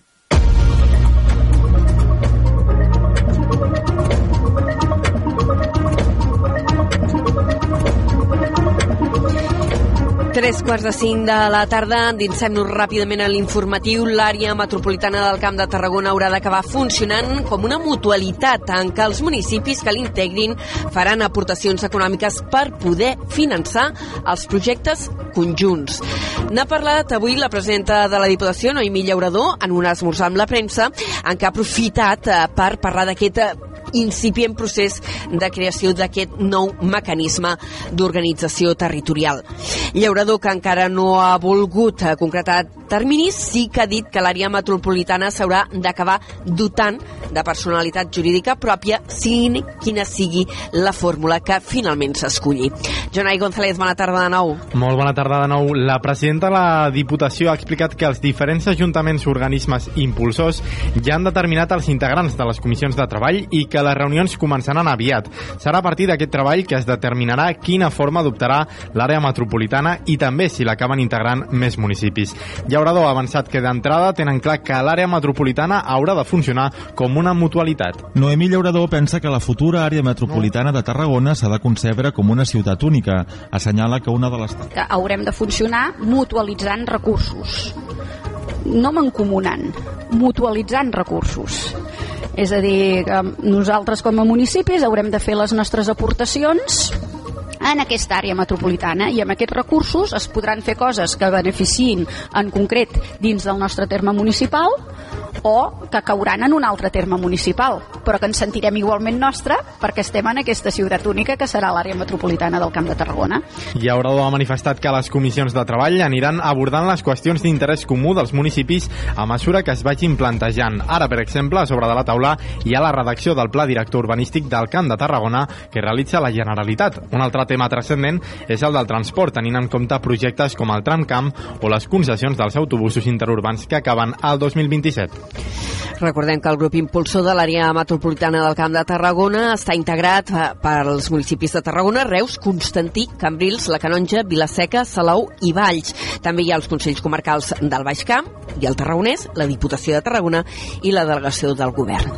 Dit això, us expliquem ara que els Mossos d'Esquadra van detenir finalment ahir quatre persones relacionades amb el tiroteig que va tenir lloc eh, dimecres al matí a Reus. Tot i així, la policia no descarta nous arrestos. Des de la nova ràdio de Reus ens ho explica explica en David Fernández. Els Mossos van detenir aquest dimecres a la tarda tres homes de 18, 31 i 32 anys, membres de la mateixa família, per la seva relació amb el tiroteig del matí al barri Sant Josep Obrer, encara que prèviament, poc després dels fets, ja havien detingut un altre individu de 27 anys. A banda, però, no es descarten nous arrestos, ja que hi ha una cinquena persona investigada. La policia confirma que el tiroteig s'hauria produït per una baralla entre veïns de la zona. L'ampli dispositiu policial desplegat i els escorcolls en alguns domicilis va acabar amb el decomís de quatre armes llargues, dues curtes, dues defenses elèctriques i una navalla. Conjuntament amb la Guàrdia Urbana, els Mossos reforçaran els pròxims dies el patrullatge al barri. Moltes gràcies, David. Dades econòmiques ara. Les exportacions de les empreses a la demarcació de Tarragona han crescut un 33% durant el mes de novembre. Els productes químics continuen sent el principal producte que es ven a fora, amb un total de 300 milions d'euros. El territori se situa com la demarcació catalana on més creix l'exportació. Els productes energètics van experimentar també un creixement del 370%. En l'acumulat general del que portem d'any, les exportacions han registrat un creixement més moderat en torn al 5,2%. Les importacions segueixen clarament per sobre de les exportacions amb un saldo comercial negatiu de 6.000 milions d'euros. Les dades estatals reflecteixen un descens de les importacions del 9,9% respecte al novembre de l'any 2022. Investigadors de la Universitat Rovira i Virgili han desenvolupat una tecnologia que busca generar hidrogen amb radiació solar a partir d'aigua residual. El projecte du el nom DAC2 i també en formen part el Centre Tecnològic Eurecat i les empreses FAXA i Enagas. Des de Ràdio Ciutat de Tarragona ens ho explica l'Adrià Tella. En paral·lel a aquestes tasques s'ha registrat una patent i s'està gestionant la seva extensió a diferents països. La mateixa proposta compta amb una planta pilot experimental que s'ha ubicat a la teulada d'un dels edificis del campus Escalades de la URB, mentre ja es treballa per implementar-ne una a escala industrial que permeti consolidar un model d'energia circular viable i rendible i que serà col·locada en una estació depuradora d'aigües residuals. Alberto Puga, un dels responsables del projecte i investigador de la URB, n'explica el funcionament. És una tecnologia solar, fotocatalítica, i el que fem és tractar aigües residuals. Eh, aquestes aigües residuals passen per, per dintre els panells i eh, amb la irradiació del sol eh, s'aconsegueix dues coses. Una és eh, eliminar contaminants, eh, degradar contaminants, i en paral·lel l'altra és produ produir hidrogen. O sigui, d'aquests contaminants que hi ha en les aigües n'extraiem hidrogen. O sigui, és un procés eh, de, des de descontaminació, però és un procés productiu. És un procés on valoritzem el residu que hi ha en l'aigua residual. El projecte està finançat pels fons europeus Next Generation i per l'Agència Estatal d'Investigació del Ministeri de Ciència i Innovació i pretén consolidar aquest model d'energia com una opció real. Uh, Brussel·les obre la porta a endurir les condicions de transport dels pèl·lets arran de la crisi a Galícia i Astúries i també amb el problema que patim aquí al Camp de Tarragona. En el debat, l'eurodiputat d'Esquerra, Jordi Soler, avisa que la situació particularment greu que es viu a les platges tarragonines i ha demanat eines uh, perquè aquesta situació no quedi impuna.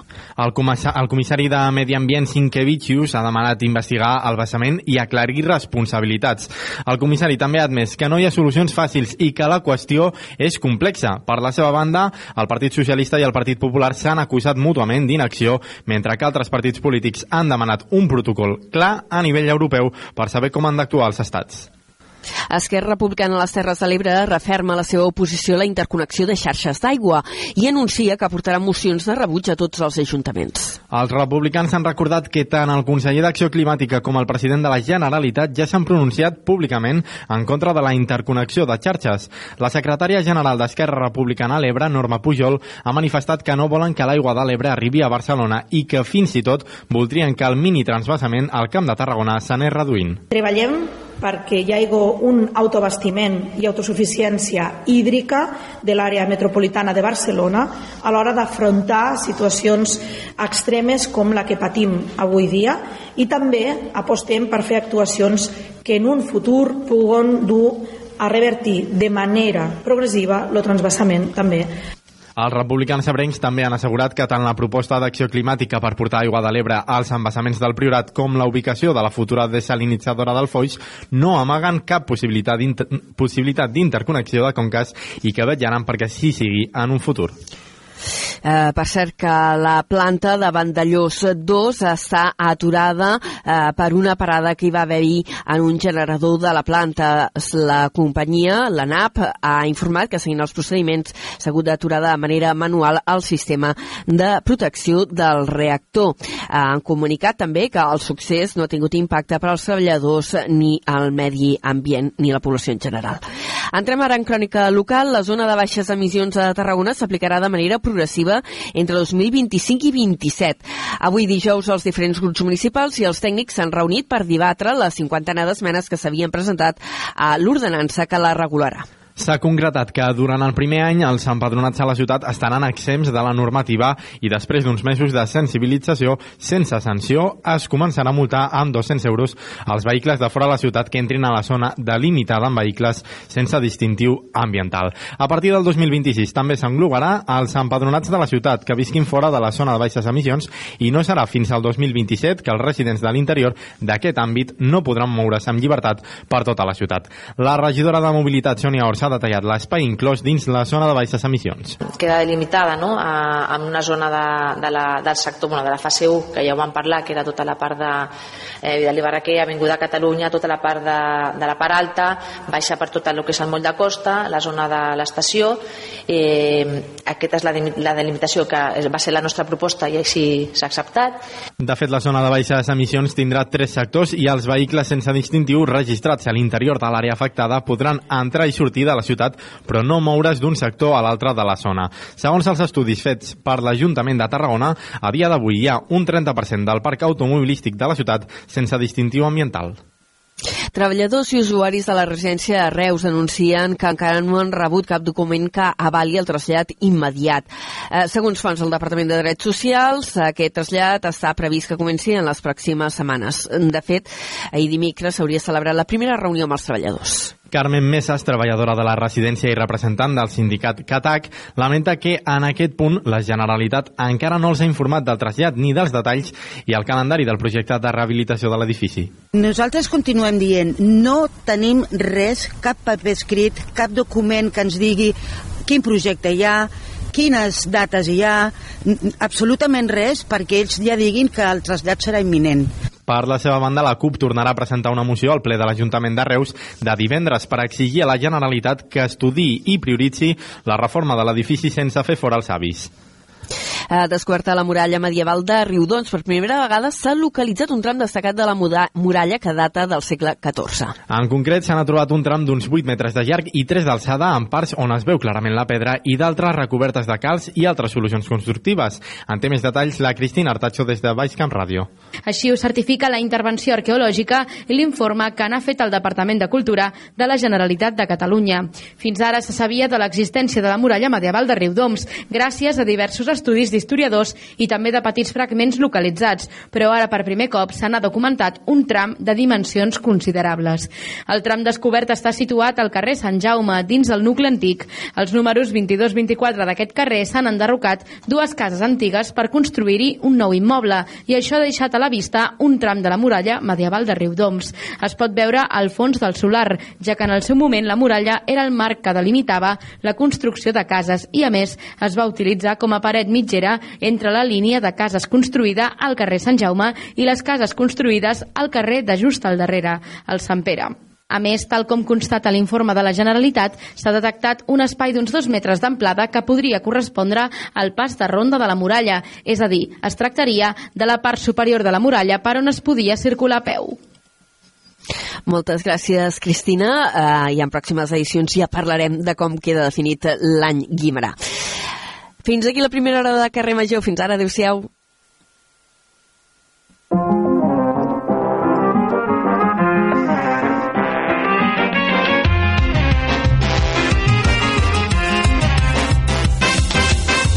Va, tu?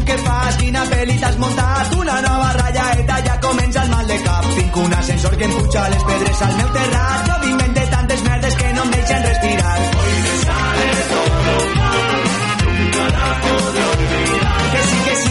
Així, s'han apoderat de mi. Les mogudes que m'invente sempre i no em deixen creure en mi. No tot és tan fàcil,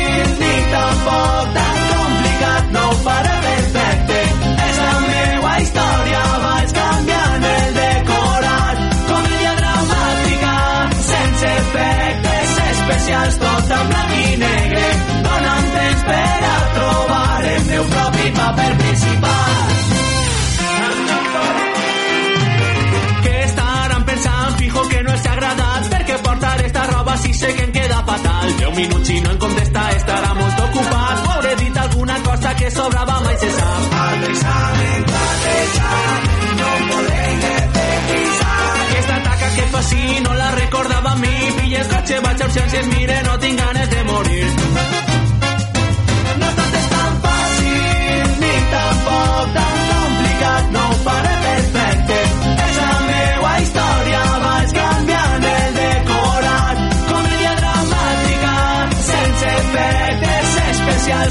Blanc i negre. Dona'm temps per a trobar el meu propi paper principal. I dormir. Que vaig dir res i ja sé que no. O hauran pensat que sóc idiot. Crec que m'estic quedant. Estàs mirant-me o...? No crec res, però segur que faríem per bona parella. No vaig a intentar-ho perquè és impossible. Esta arruga me sí llibre taqui. Ese és el braç de llempar. Ah, sí, són dos millor que jo. Ja. Ara ja està. No tengo Us dic una cosa seriosament, crec que en la vida, en la vida vaig a ser feliç. Les pel·lis que et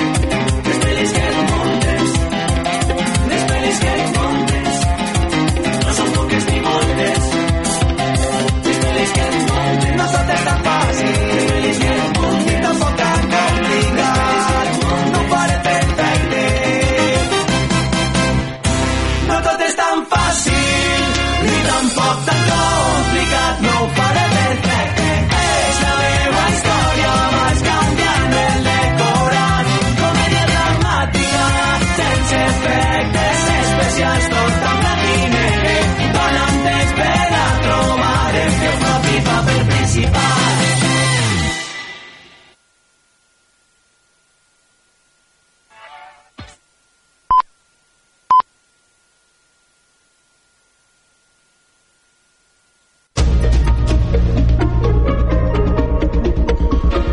Notícies en xarxa.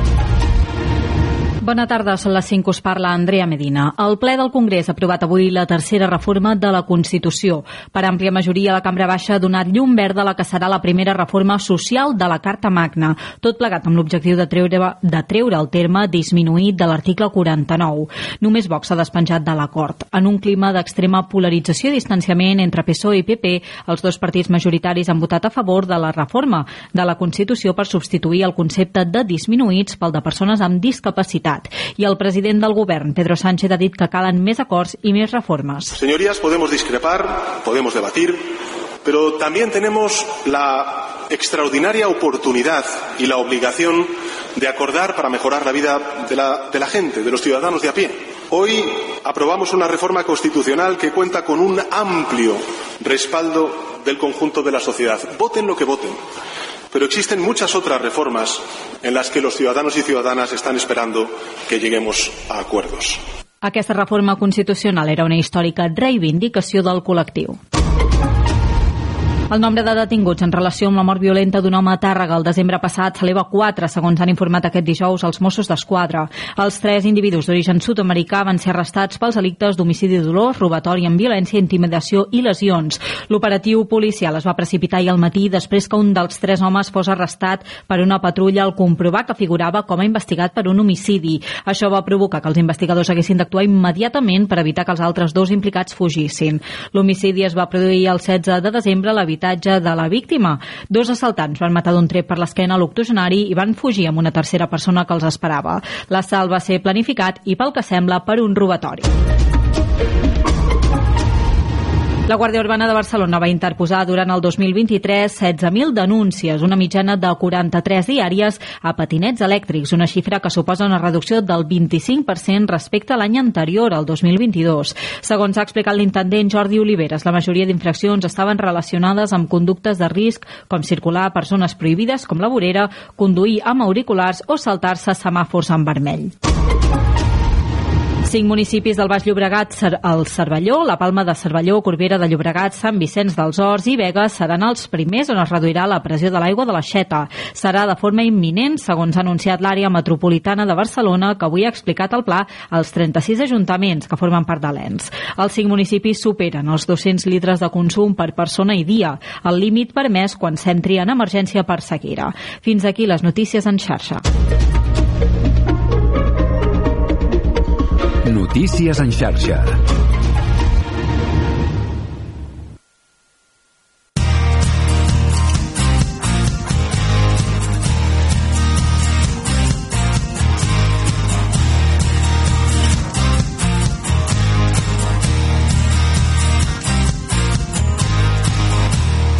Carrer Major.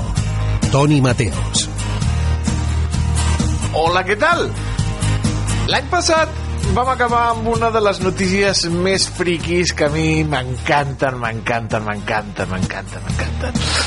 No sé si se n'en recorden que el passat 2 de desembre el torero Juan Ortega i la que era la seva núvia, la Carmen Ote, van protagonitzar una de les notícies més esperpèntiques i impactants de la premsa nacional.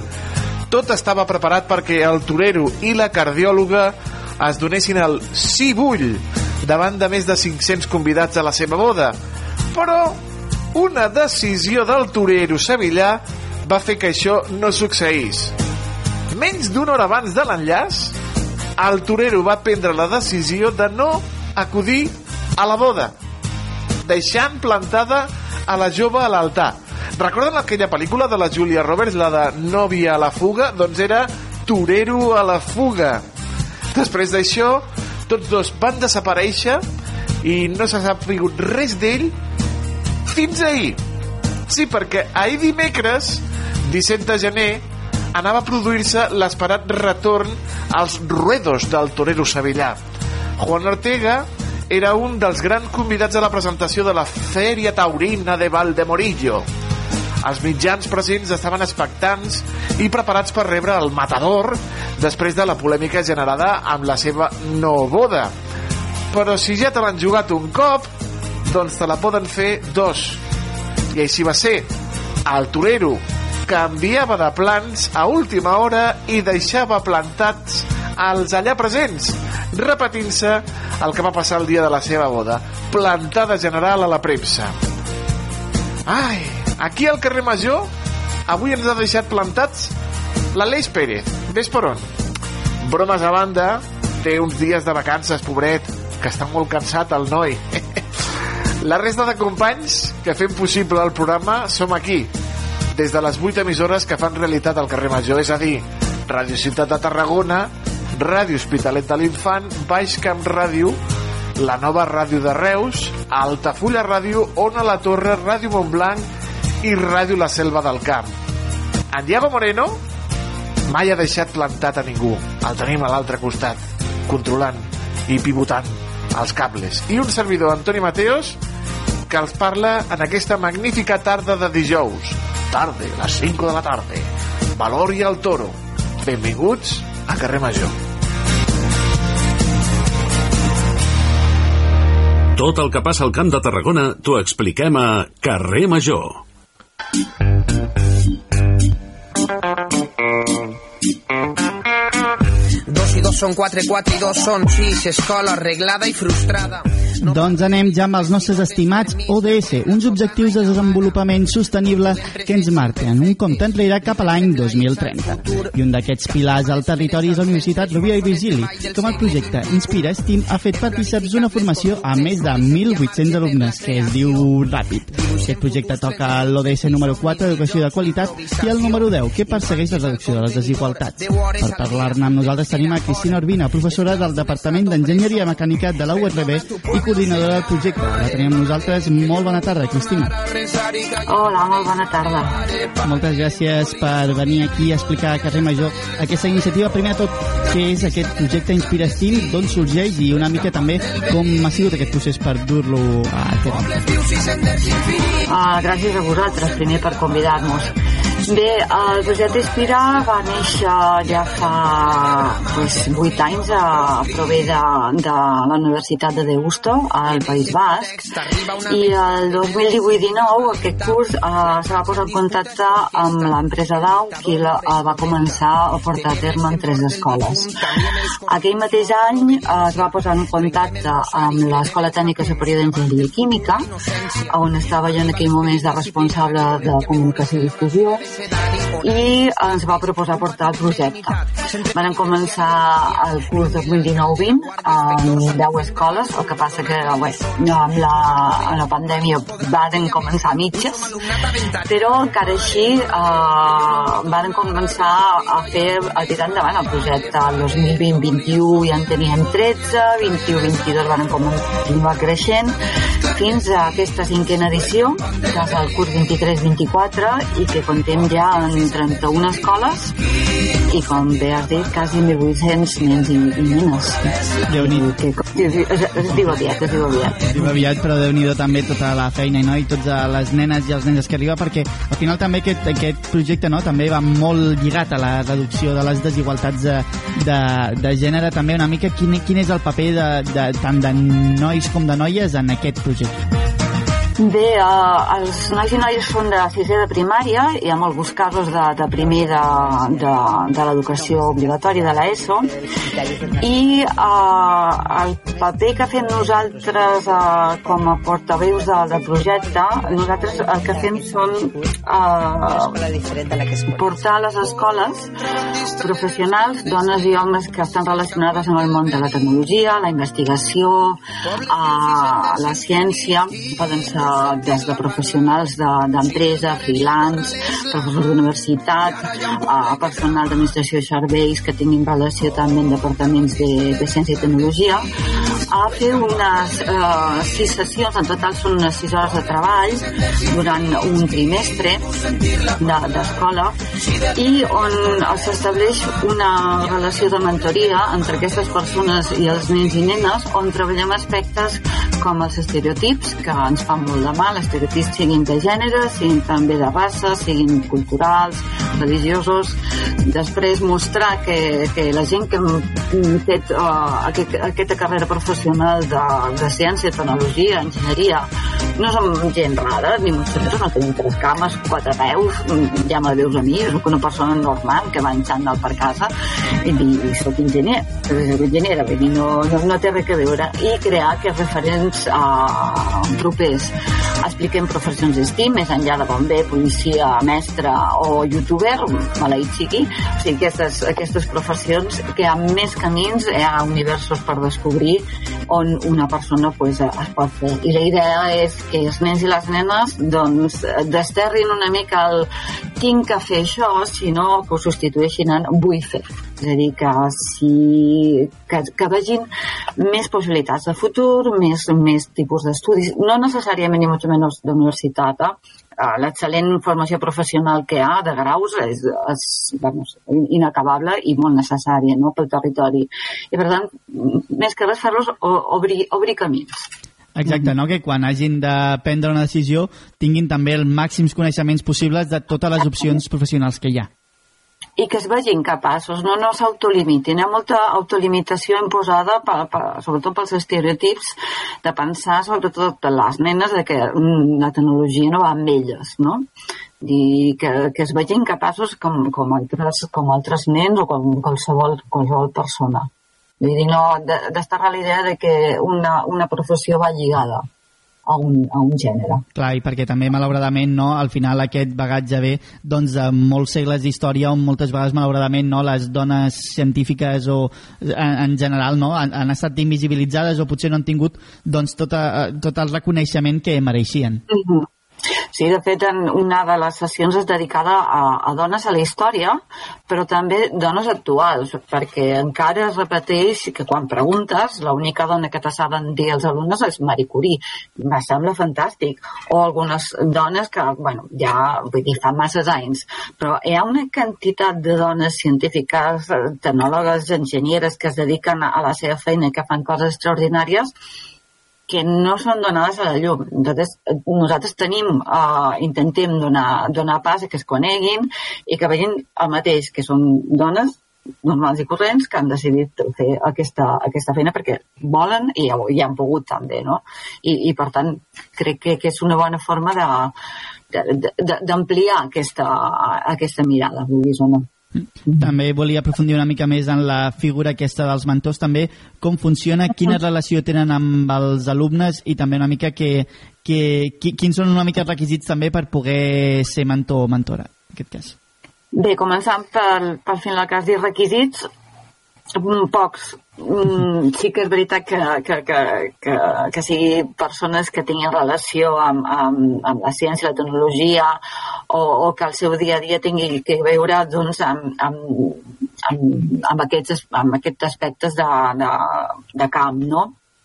Inclús tenim, uh, no pensis, tenim, tenim gent economistes, tenim gent que, que són de, de l'Institut de Paleontologia, de, des de la seva vessant científica. És a dir, el, el perfil és molt ampli.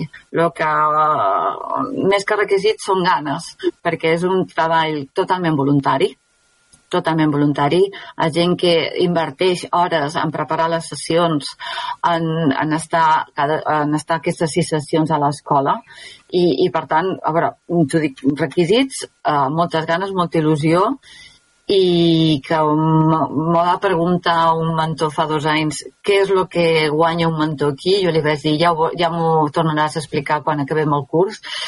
I, i clar, quan m'ho va dir ell és que jo he pres molt més que els nois i les noies, a mi m'han donat més i, i és una, una relació que s'estableix entre els nois i les noies i, i el mentor de confiança i, i de molt respecte i sobretot de, de poder parlar.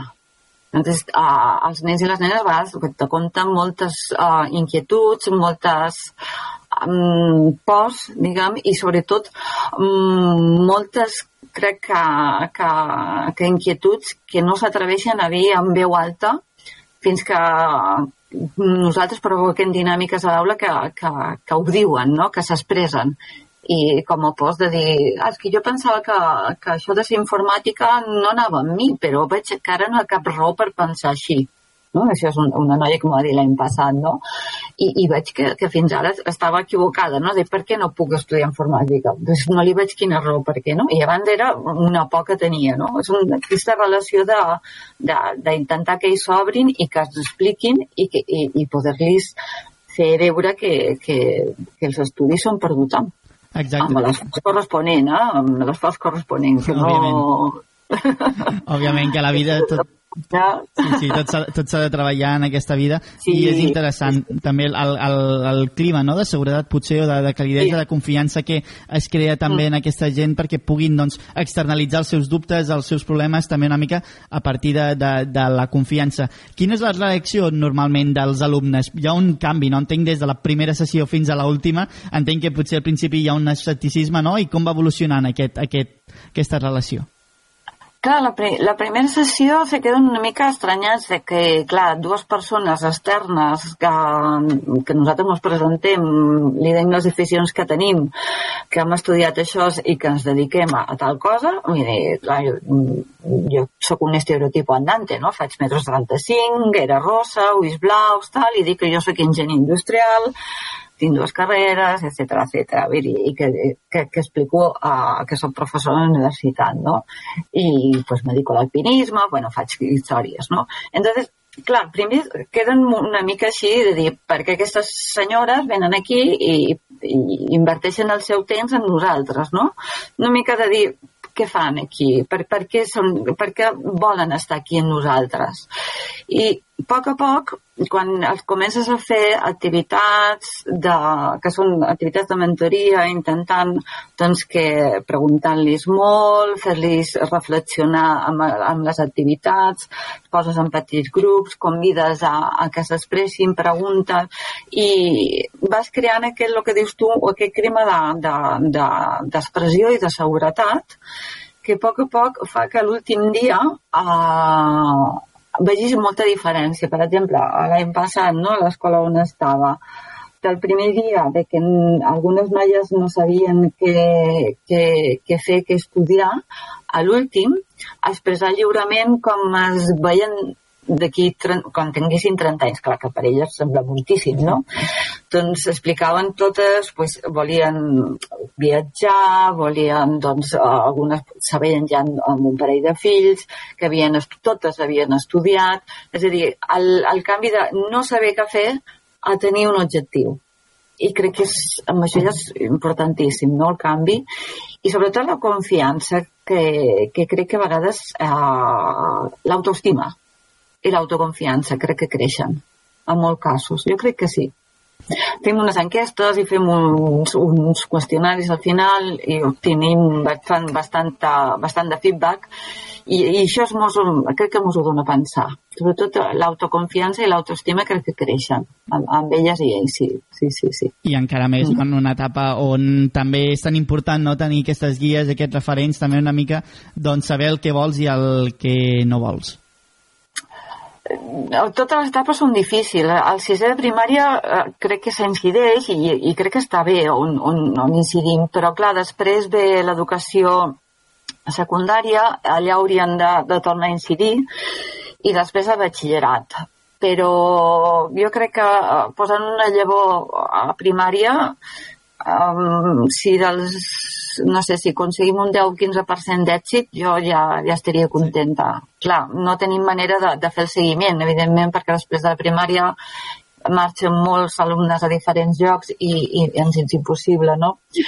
Però almenys la llavor està sembradita i, i alguna cosa jo crec que sí que, sí que aconseguim. Exacte, esperem que doni els seus fruits, no? Totes aquestes llavors que porteu plantant durant tant de temps. Moltíssimes gràcies, Cristina Urbina, professora del Departament d'Enginyeria Tècnica de la Universitat Rovira i Virgili i també coordinadora d'aquest projecte Inspira Steam. Moltes gràcies per venir aquí a Carrer Major.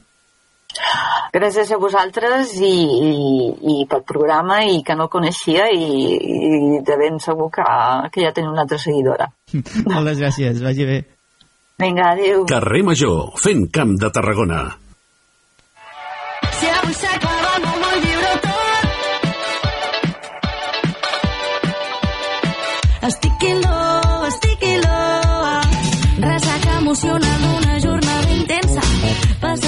Doncs tot i que l'hem donat festa aquests dies al nostre company de la nova ràdio, l'Aleix Pérez, l'hem exigit eh, la seva secció d'ODS, els Objectius de Desenvolupament Sostenible, que ens acompanyen des de fa molt de temps al nostre programa i aquesta tem- temporada ho fan els dimarts i els dijous i avui, doncs, eh, com han sentit, l'entrevista de l'Aleix. Continuem aquí al carrer Major, eh, 20 minuts sobre les 5 de la tarda, un nou col·lectiu en defensa dels drets LGTBIQA+, neix al Camp de Tarragona, concretament a la bonica vila de Riudoms. Aquest nou col·lectiu que es presenta al cap de setmana s'anomena Orgull Riudomenc.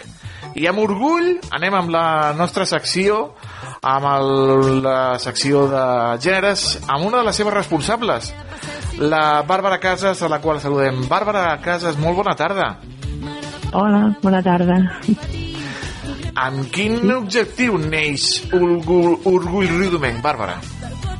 Doncs l'Orgull Riudomenc va néixer a finals de l'estiu, començant el curs, em, des d'un grup de persones que ens coneixíem més o menys, i no, com dins el col·lectiu LGTBI, dins del poble, i neix amb la voluntat d'això, de ser un punt d'unió, un punt de trobada, i també un punt de reivindicació i de sensibilització a nivell local, no? Perquè sí que passen coses a nivell comarcal o a nivell de Catalunya, passen més coses a Barcelona, però sí que volíem no, com remarcar que des de Riudoms mateix podem pues, treballar per, pels drets LGTBI i també no, per crear aquest punt de trobada i, i sí, entre gent que potser no, com que es coneix tota la vida de que va sentir a parlar d'altra gent del poble, del col·lectiu LGTBI, però no acabes de, de teixir-hi cap aliança i doncs això, doncs aquest punt de trobada. Mm -hmm. Notàveu la necessitat de crear el col·lectiu entre els riudomencs i les riudomenques?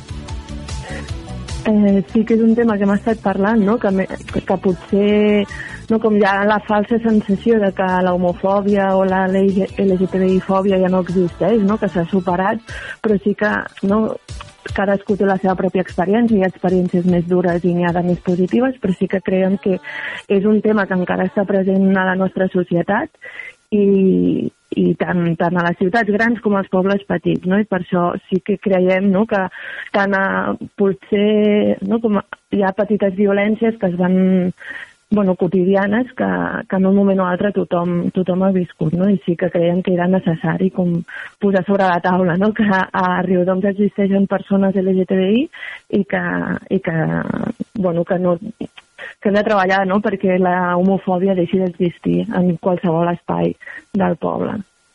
Uh -huh. com, com han respost, Bàrbara, veïns, veïnes, entitats i l'Ajuntament de, de Riudoms? Com han respost? Doncs de moment, bueno, de moment no, sí, sí que hem fet públic, no?, a l'Instagram que existim, hem fet públic a, a l'Ajuntament que això, però la presentació pública, no?, i l'ocupar l'espai públic com a Orgull Riudomenc serà aquest dissabte i llavors veurem com, com responen les veïnes, però de moment no, doncs des de l'Ajuntament sí que ens han donat bastant bueno, suport no? i ens han animat a, a, a que féssim la presentació el, el dissabte i ens han no, estès la mà en aquest sentit i d'entitats del poble, per exemple, doncs col·laborarem bueno, hem convidat, per exemple, a l'esplai Riudomenc a que faci activitats, alguna activitat infantil el dissabte i també, no, com estem, al final som gent les que formem part del col·lectiu Orgull Riudomenc estem ficades en altres, en altres entitats no? I, i és des d'aquest treball en xarxa que també no, com aconseguim el suport i col·laborem estretament del Casal Popular La Calderera que és qui ens dona el màxim suport no? en, en qualsevol cosa, ja sigui material com, com polític, i, i llavors està per veure com, com reaccionarà la resta. Mm. És important no? crear aquesta xarxa, aquestes sinergies Sí. entre les entitats del poble i el col·lectiu Orgull Riudomenc, no? Sí, exacte. I és un dels nostres objectius, no? que al final nosaltres per, si, per nosaltres mateixes no, no aconseguirem canvis si no ho fem de la mà de, de qui ja està en marxa, no? I, i que a Riudoms hi ha molt teixit associatiu i molta gent que li agrada fer moltes coses i llavors s'ha d'aprofitar. I el que sí que hem rebut molt de suport també són d'altres col·lectius LGTBI del Camp de Tarragona i, i aquí no, com contem amb el suport d'Actors O i ja ens han dit altres col·lectius oh, que vindrem el dissabte i, i estem encantades de poder teixir també aquestes aliances. Uh -huh. Riudoms ha crescut en els últims anys, ha canviat molt Mm. en, en els últims 15-20 anys. També Mm. la percepció de gèneres al poble també ha canviat? Això, sí, sí que, sí, per exemple, no, la, fa, a veure, ara no sé si et diré els anys exactes, però sí que, per exemple, abans sí, sí que hi ha hagut moviment no, de moltes coses, però, per exemple, hi ha el col·lectiu de dones d'aigua, que és el col·lectiu feminista, eh, doncs va néixer això fa uns 4 anys, 4 o 5 anys, Eh, sí que arrel del Covid, doncs, es, com tot, no, es va aturar una mica, però sí que l'existència d'aquests col·lectius i, de, i que des del propi Ajuntament, no, que també s'ha insti, institucionalitzat en certa part no, aquestes reivindicacions de gèneres, doncs també no, com ha canviat bastant en el, però tot i així sempre hi ha feina a fer, no? perquè qui està sensibilitzat és una petita part de la població sempre i, i sempre cal treballar per això. Uh -huh. eh, Riudoms és un poble petit, abans has parlat d'altres col·lectius, d'altres ciutats. Hi ha més dificultats en un poble que en una ciutat eh, per, per tirar endavant, per engegar un col·lectiu LGTBI? Mm, no sé si hi ha més dificultats, segur que és diferent, no? Perquè, i, i bueno, des del de, el col·lectiu d'Orgull Riudomenc, dins d'aquest col·lectiu hi ha persones que són de Riudoms de tota la vida i hi ha persones que són d'aquestes noves incorporacions no, al poble i llavors sí que bueno, a vegades ho, ho discutim, no? si és una cosa eh, només de Riudoms, el que està passant aquí o no, però al final és, és no? com potser s'ha trigat tant en fer-se perquè aquest col·lectiu hauria pogut existir abans però no s'ha fet i és, no és perquè no hi hagués necessitat no? és potser per aquesta por al que diran o, o no? com d'estar més exposat a nivell públic però bueno, al final és, és trobar-nos i, i fer-ho no? perquè sí, vull dir que no, no està sent difícil de moment Era això. Eh, llegíem l'altre dia les agressions que s'han patit eh, al col·lectiu al, al Camp de Tarragona. Eh, Mm. També patiu agressions eh, al col·lectiu a, a un poble com Riudoms? Clar, de moment, o sigui, com he dit abans, no? sí que cadascú té les seves pròpies experiències de més o menys violència, tothom hem patit, hem patit violència però no, no, expli no directa, no? De, de patir una agressió pel carrer o això són coses que o de moment no s'han fet visibles o, o bueno, visibles, no? que al final que augmentin el número de denúncies no vol dir que augmentin el número d'agressions, sinó que la gent és més conscient que això és una agressió i que es denuncien més. No? Llavors, no sé, si a partir d'aquí comencem, també era la, el nostre dubte, no? si, si, ostres, si ho fem més explícit, si existeix orgullós domenc, la gent potser s'atreveix més no? a parlar d'aquestes coses i a identificar certes violències com a violències que són i no com a ah, són coses que s'han fet tota la vida així, no? Sí. En què consistirà la festa de presentació d'Orgull Ridomenc aquest dissabte, que a més a més està també dins de les festes de Sant Sebastià? Sí, volíem aprofitar precisament no, un, un marc festiu de, de Riudoms on la gent pues, rep un programa a casa amb les activitats per poder fer la presentació no? i així doncs, no fer un acte per nosaltres soles, sinó posant un context. I pues, la festa i l'acte de presentació consisteix en que a les 11 comencem amb un... Bueno, hi haurà activitats infantils, farem un, un racó del conte eh, sí que el faran unes activistes del col·lectiu, després bueno, farem una mica d'esmorzar per als infants que s'apropin. I també comptem amb l'Esplai Rodomem que farà un, un mural col·laboratiu. I després a partir de les 12 no, que ja comencem amb el vermut, tindrem una barra on tothom que vingui pugui, pugui prendre alguna i menjar alguna coseta i llavors farem una... Bueno, llegirem el nostre manifest, no? una mica de discurs de presentació, contem amb com l'apadrinament de l'Oriol Grau no? com a persona referent també i més visible aquí al territori i, i també comptem amb altres convidades que no hem posat al cartell, no? però que són pues, o associacions o, o persones concretes que ens han dit, ostres, pues vindrem i esperem que també puguin intervenir d'alguna forma. I després, cap a les 12 i mitja,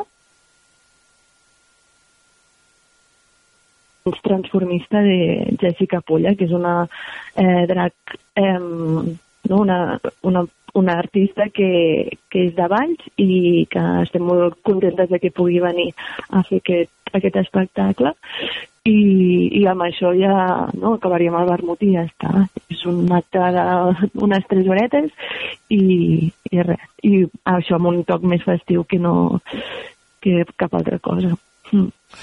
I un cop acabada la festa, posar-se a treballar. Quins seran els següents passos Exacte. del col·lectiu Ridomenc, d'Orgull Ridomenc? de moment, no, com sí que ens hem marcat com dos objectius, que és per una banda ser aquest punt de trobada de persones que viuen o són de Riudoms i poder compartir experiències i, no, i ja siguin experiències positives o negatives i d'aquí pues, que en puguin sortir altres actes o, no, ostres, si detectem pues, una necessitat concreta, doncs poder fer pues, ja sigui una formació, no, com més treball intern, eh, perquè al final tenim mesos de vida, llavors estem molt en la fase formativa i de creació i de poder tenir confiança els uns, o sigui, conèixer-nos bé el, les integrants del grup, que som unes 15 persones, que no són poques, i per altra banda no, el segon objectiu és treballar per la sensibilització um, no? més fer actes oberts com és la presentació i llavors aquí pues, ja haurem de fer farem una programació no? de, vale, doncs que amb les necessitats que, que anirem detectant aquests mesos, doncs poder oferir no? com aquesta banda més de sensibilització. Si cal fer accions al carrer o si cal fer pues, un, no sé, eh, pues ja sigui cinefòrums o xerrades o convidar gent a que, que pugui venir a portar a Riudoms, no? pues, també.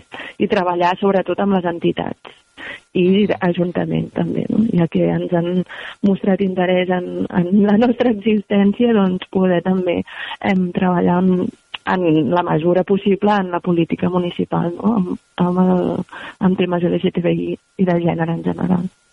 Mm. Doncs teniu una plataforma com, com el carrer Major Eh, sempre que vulgueu sereu benvingudes.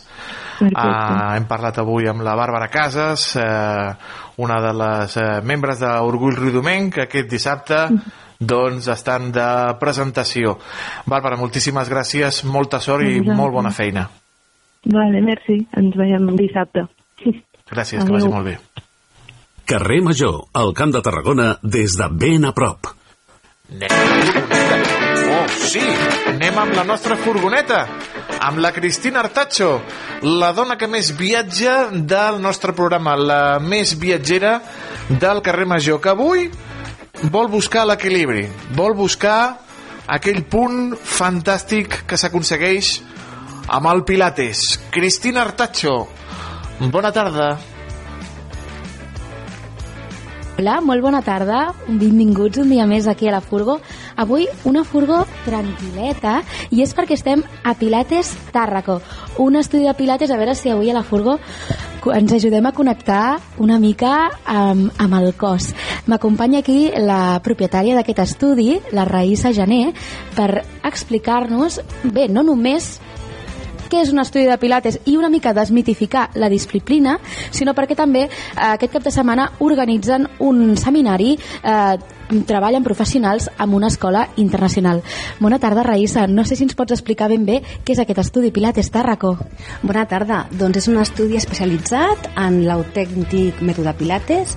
Quan diem autèntic significa original, o sigui que preserva el llegat de la metodologia, que és una metodologia que òbviament està basada en un exercici físic, però és més que exercici físic en el sentit que és un protocol de treball personalitzat, adaptat a cada persona, amb un sistema d'aparatologia que va dissenyar el propi Joseph Pilates, i això doncs, requereix d'una especialització molt concreta. Llavors, és un estudi de Pilates, és una activitat eh, Esportiva no, perquè està més classificada com a exercici físic, ha unes diferències a nivell teòric, però òbviament és una activitat física, és exercici físic, és moviment, és control, és enfortiment. Està bé que, que diguis que és un espai tranquil i això és el que volem, doncs que la gent se senti tranquil·la, però el Pilates és un exercici físic que potser també és actiu, és dinàmic i una mica el primer mite que s'ha de desmitificar és que és un, una cosa zen, que ho pot fer si la persona ho necessita, però el Pilates és un treball de força, de control, d'entrenament personal intens i per tant és, és el primer mite que hem de, que hem de desmuntar. Potser un dels altres mites, no sé si estaràs d'acord, és que cal ser professional i cal formar-se per impartir una classe de pilates. No sé si en aquest sentit aquest seminari internacional dedicat a professionals està eh, íntimament relacionat amb això. Sí, el que hi ha és una mancança de professionalització, justament, eh? i això és un tema que té a veure més amb, amb, amb el recorregut històric de les diferents escoles i les diferents línies de treball, però per resumir molt, ens manca una, una qualificació professional que el, que el professional, que nosaltres diríem que és professor, no monitor, no per, mm, és una diferència amb el concepte. Un professor ensenya, per tant estem més, a, més al costat de l'educació física que de l'entreteniment. Per tant, això requereix d'una formació qualificada en el sentit, doncs, com un certificat de professionalitat, etc que ara, encara no existeix, i doncs el que ha passat amb el Pilates és que hi ha múltiples versions. Llavors, dintre de les metodologies que, que preservem la cosa més tradicional, doncs hi ha una, una diversificació que impedeix doncs, els que els, els, les persones interessades en ser professionals tampoc troben potser uns programes suficientment rigorosos i de qualitat. I en aquest sentit doncs, nosaltres a, a Romanes Pilates International que es diu Romanes perquè la Romana Krisanovska és deixeble directa de Joseph Pilates. Estem parlant de Joseph Pilates és una persona que va néixer a final del segle XIX el mètode es comença a desenvolupar per dir-ho molt resumit a, no, a, a, a Nova York al principi del segle XX la Romana està en aquest context però ja és morta des de fa uns 10 anys. Vull dir això que so, eh, eh, som una mica una línia que el que fa és continuar aquest llegat i això té un valor avui en dia perquè sembla que amb, amb tota la modernitat entesa com la digitalització l'online i no sé què sembla que les coses tradicionals tinguin poc valor no? llavors en aquest sentit reivindiquem el valor doncs d'aquesta metodologia pels beneficis i, i objectius i, i propòsits doncs, que inclou o conté No, abans la Raïssa i jo parlàvem i comentàvem que aquesta Escola Internacional Romanes és una mica la universitat del Pilates, no? perquè es dedica doncs, a formar tots aquells futurs professors de Pilates. No sé si ben bé ens podries explicar com funcionarà aquest seminari aquí a Tarragona i detallar-nos si és la primera vegada que la ciutat acull un, una formació d'aquestes característiques. Sí, és la primera vegada que a Tarragona i en aquest estudi a, acollim aquesta, aquest esdeveniment. Eh, llavors, els seminaris de Romanes Pilates són, eh, diguéssim, una part del contingut en el programa de formació, que és un programa que té una durada com d'un any. Llavors, doncs, ara, que és una nova etapa en el, en el sentit organitzatiu, som una comunitat a Catalunya i a Espanya de professors certificats i coordinadors d'aquesta formació. Llavors, eh, doncs els, el programa de treball es fa en un centre en concret, que són un seminari intensiu, on, diguéssim, es donen tots els continguts teòrics, pràctics, etc. i després els estudiants han, poden eh, fer les seves observacions i pràctiques, que són moltes hores, en total són unes 700 hores, que això també difereix com de moltes formacions que en un cap de setmana donen un títol de pilates, això és nefast. Uh, llavors, el que et volia dir és això, doncs, que els estudiants que no, que no cal que visquin a Tarragona, a Tarragona es fa aquesta, aquest primer, aquesta primera aproximació, som més de 35 persones que estarem aquí, gent de Portugal, gent d'Itàlia, gent d'aquí de, del país, professors que, que estan vinculats a la comunitat però que estan fora d'aquí, per tant és un esdeveniment internacional literalment. Llavors té el, seu, té el seu valor perquè a Tarragona doncs, això no s'ha fet mai i no s'ha fet mai amb aquesta línia d'escola tan, tan particular. Ja m'has anat comentant algun dels mites que estan al voltant de tot aquest món dels pilates i tot el sector, però ara has comentat una cosa que m'ha interessat molt, que és el fet no, de que potser en cursos d'un cap de setmana la gent ja té títols de, de pilates. Com afecta això, si afecta negativament a tota la gent que us dediqueu totalment professional eh, en aquest sector? Sí, això des de l'Associació de Professionals del Pilates a Catalunya, que, que des d'aquí faig una crida als professionals de Pilates a que es facin socis i formo part de la Junta, doncs, eh, bueno, soc la presidenta, però això no té un valor, eh, és, és a dir, perquè algú havia de ser, però els, els de la Junta fem les funcions tots alhora, vull dir que no vull otorgar-me un, un, un càrrec perquè sí, però bueno, és veritat, és la, és la posició que ocupo és aquesta, no? Doncs aquesta associació és molt eclèctica i molt heterogènia i respon a, a, a, a diferents línies de treball de fet, Romanes Pilates som la minoria en aquesta associació. Per tant, el que estem intentant és consensuar uns mínims a nivell formatius. Però clar, això, eh, aquesta, diguéssim, aprofitament en el mercat eh, com de productes formatius ràpid, instantanis i, i molt banals, molt banals, respon a un buit legal i a una manca de regulació. Per tant, i això és el que, amb el que s'està treballant, és a dir, amb, una, amb, amb definir una categoria professional eh, en el tema del Pilates i, amb, amb, i això està en marxa ja des de l'INQUAL, que és l'Institut Nacional de Qualificació Professionals. S'ha redactat un, una, unes bases, un programa de formació base i això serà una mica el que s'ha recollit amb diferents sensibilitats i línies de treball i el denominador mm, una mica o, o, les bases comunes seria el mètode Pilates és un treball que inclou sí o sí aparells per la seva execució i el MAT, que és el, el matalàs, la màrfaga, que és el més conegut, forma part del sistema i també forma part d'un aparell, un, una eina de treball. Vull dir que si no es concep el Pilates, si no es defineix la qualificació professional en base a això, no tenim Pilates. El Pilates no és un treball només de pilotes i elements varis que són vinguts com de la tradició més fitness, més, més de rehabilitació fisioterapèutica, ho dic a tot el respecte, eh, això, el que passa que el Pilates és, és més que això. Per tant, ara es tracta de que unifiquem sensibilitats i, de, i es defineixi... Està definit, està aprovat el programa i ara cal implementar-lo. I això és política eh, i, administra i, i cosa administrativa, eh, perquè això formarà part d'un sistema d'avaluació en l'acreditat, que és un, una competència de, de habilitats professionals i una, i una certificat de professionalitat. Això és el que ens, ens, una mica ens igualarà a tots els professionals més enllà de les diferents línies de treball i escoles, que jo en defenso una concreta, però com a professional en el sector el que també vull és que hi hagi un reconeixement i un prestigi de la, de la, aquest ofici, perquè és un ofici també. És a dir, que potser una mica la lluita que teniu ara al sector i amb aquesta associació és la professionalització de doncs, tots els professionals i que pues, anar trencant una mica tots aquests mites que envolten el Pilates que potser estan generats per aquesta moda sobtada que, no, que de sobte tots volem anar a fer classes de pilates, tots pensem que fer pilates és fàcil i anem a només a fer zen i tranquil·litzar-nos.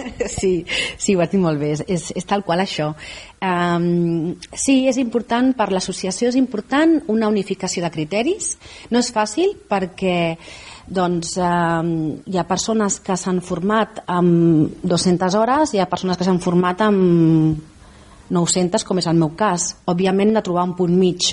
Ara mateix, si no m'equivoco, la base des de la qual s'ha fet aquest document que ha d'unificar una mica el criteri professional crec que està en 300 des del meu punt de vista és, és insuficient encara però és més que 100 per això et dic que és un, és un sector bastant, bastant eclèctic. I després, òbviament eh, aquí hi ha una indústria del sector esportiu doncs, que també eh, s'acull aquest filó del Pilates i llavors eh, diguéssim diferent, existeixen diferents models per practicar Pilates. Des d'un estudi especialitzat a, un, a una instal·lació esportiva municipal a un gimnàs privat. Llavors cada model de negoci adaptarà segons la seva visió doncs, el, el, el, aquesta oferta no? L'important és que a nivell tècnic i a nivell de metodologia i de concepte es preservi el Pilates pues, tal com és, perquè si no, no es diria Pilates, es diria una altra cosa, no? Doncs moltíssimes gràcies a la Raïssa Gené, que és la propietària d'aquest estudi de Pilates, Pilates Tàrraco, que no només ens ha explicat tot aquest eh, seminari internacional que s'ha organitzat aquest cap de setmana a Tarragona, sinó que ens ha ajudat una mica a entendre realment què és els Pilates i, igual que en qualsevol altre sector, la importància de la professionalització. Moltíssimes gràcies, Raïssa, i nosaltres ens veurem ben aviat a la propera furgó. Adeu. Adeu, gràcies. Carrer Major, fent camp de Tarragona.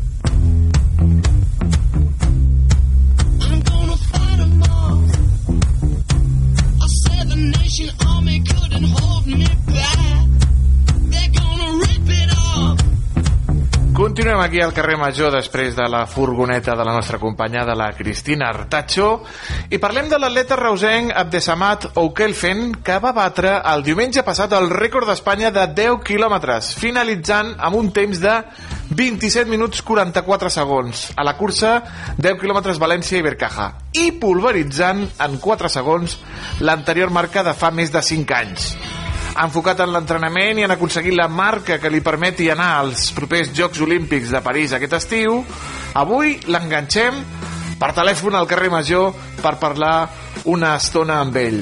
Abdesamat, bona tarda i felicitats.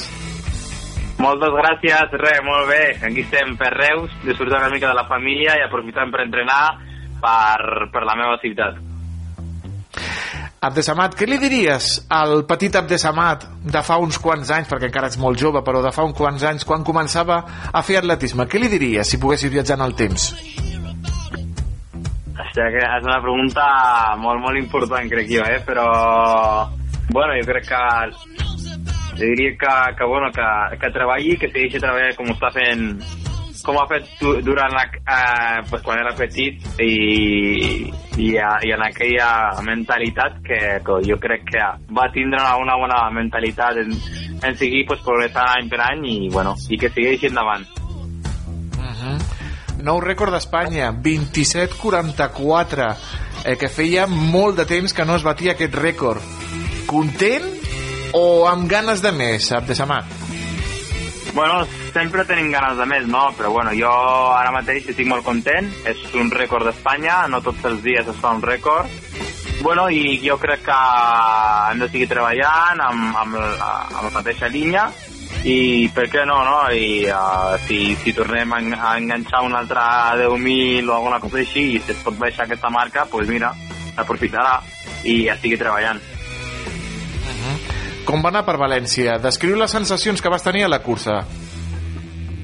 Bueno, al final ha sigut una competició bastant una mica ràpida al principi, perquè al final al no tenir eh, llebres i tal, pues, bueno, era complicat una mica de, de gestionar, de saber amb qui grup anar per no sortir molt ràpid al final eh, patir molt, però bueno, he fet una cursa, el que podíem dir, pues, bueno, una mica precipitada, sortint molt al davant i, bueno, i si al final ja patir més, eh, parlar una mica amb el meu entrenador, pues, eh, pues, el que et dic, no? em va dir, bueno, és que de vegades aquestes curses, si surt lent, al final acabes corrent, i si surts molt ràpid, molt ràpid i perds un segon, però acabes fent un rècord d'Espanya, pues molt bé. Així que, bueno, jo les sensacions al final que estem en aquestes competicions és, al, abans de començar, són una mica de nervis, totes les persones eh, pues, que et trobes durant el circuit calentant i tal, et comenten que uh, por el rècord, a por el rècord, i al final, eh, i més a València, no? que eh, la, hi havia un volum de gent bastant gran pels carrers,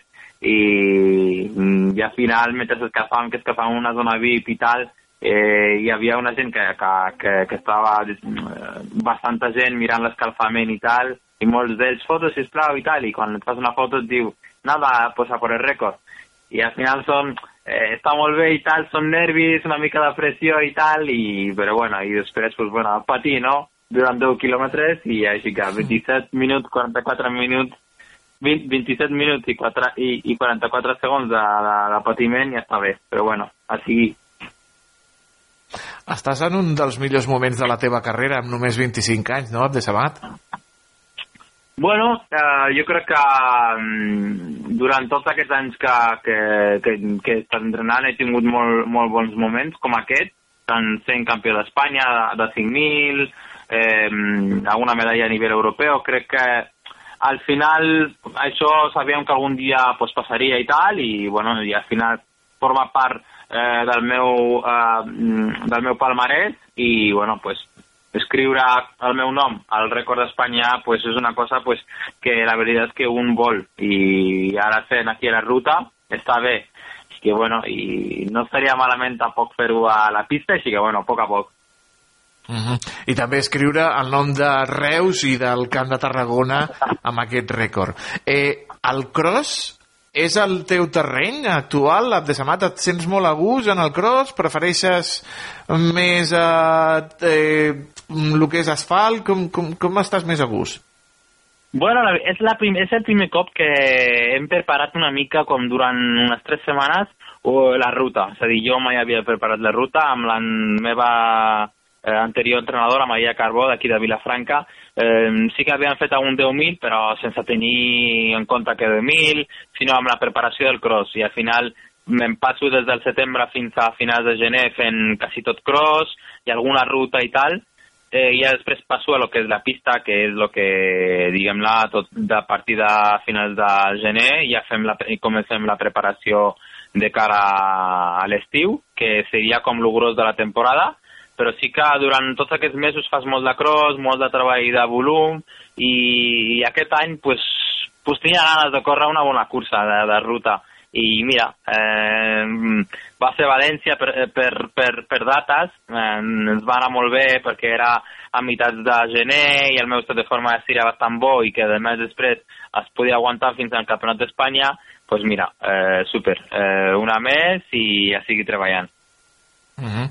eh, parlaves d'entrenaments i de la teva entrenadora i de com és el teu dia a dia? Com són els teus entrenaments? En quina hora t'aixeques? Eh, per on corres? Què menges? Eh, què veus? Què fas en el, temps, en el teu temps de lleure a, a Desamat? Abans, quan estava aquí a... Bueno, quan vivia aquí a Reus, més, més, més sovint i tal, pues la, la rutina era bastant, bastant eh, fàcil, no? Al final hi visc aquí, que sé, a les afores de... Els meus pares viuen aquí a les afores de Reus, al costat de l'Hospital Sant Joan. Uh -huh. Quasi tots els dies era, si sortia des de casa, era cap, mm, cap a la fira eh, i cap a Brasília, cap a l'aeroport. Bueno, totes aquestes zones més o menys me les conec ja de tant córrer per allà i de vegades no necessito ni anar amb crono, ja ho tinc ja medit mentalment però sí que ara pues, que porto des del setembre a fincat allà a Sòria amb el, el, el centre de, de, de tecnificació de, de Sòria, um, el CAET, pues bueno, allà pues, és una mica bastant diferent, no? Al final allà hi ha un grup d'entrenament, tenim una hora estipulada que és normalment sobre les 10, 10 i mitja està la, uh, al, al lloc de trobada, t'aixeques sobre les 8 i mitja, més o menys, depèn del dia, si un dia estàs més cansat o menys, alguns cops ja estàs des de les 8 eh, aixecat, esmorzes, fi- et prepares i ja surts cap, cap a la zona de- d'entrenament i al final és la rutina, tornes, fas el menjar i bueno, després fas un ratet si, pots, si tens ganes de dormir, pues, eh, un mitja horeta, una hora de, de son, tornes a menjar una cosa, si, si tens gana, i a,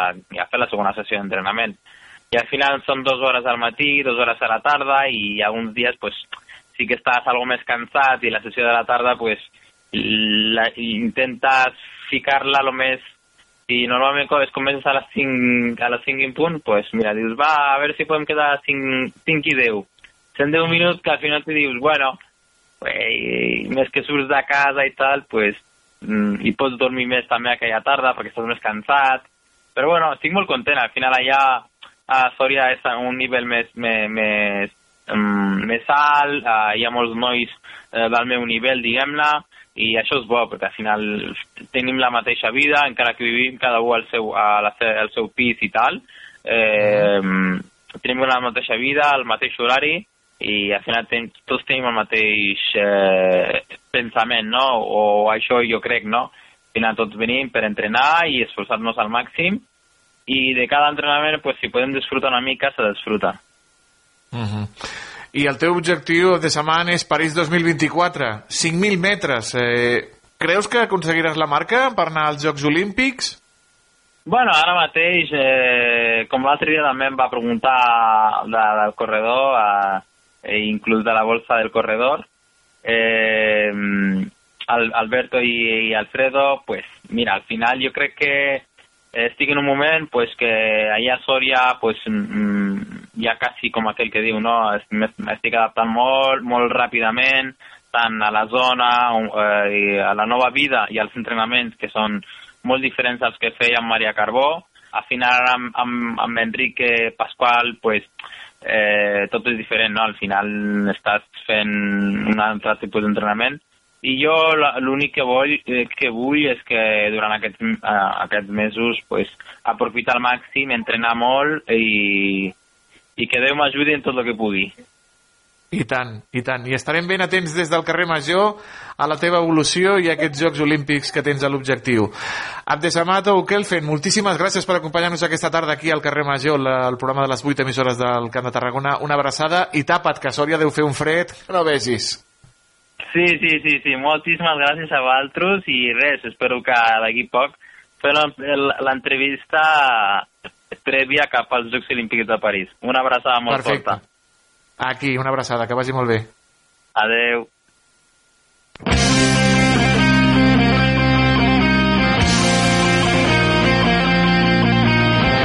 I vinga, tancarem el programa d'avui amb la banda sonora que ens acosta des de la nova ràdio de Reus, el David Fernández. David, bona tarda, estimat. Hola Toni, molt bona tarda. Avui ja veus que ens hem posat contundents per recuperar la música d'una formació que fa molts anys que no actua sobre els escenaris però que ara han decidit tornar.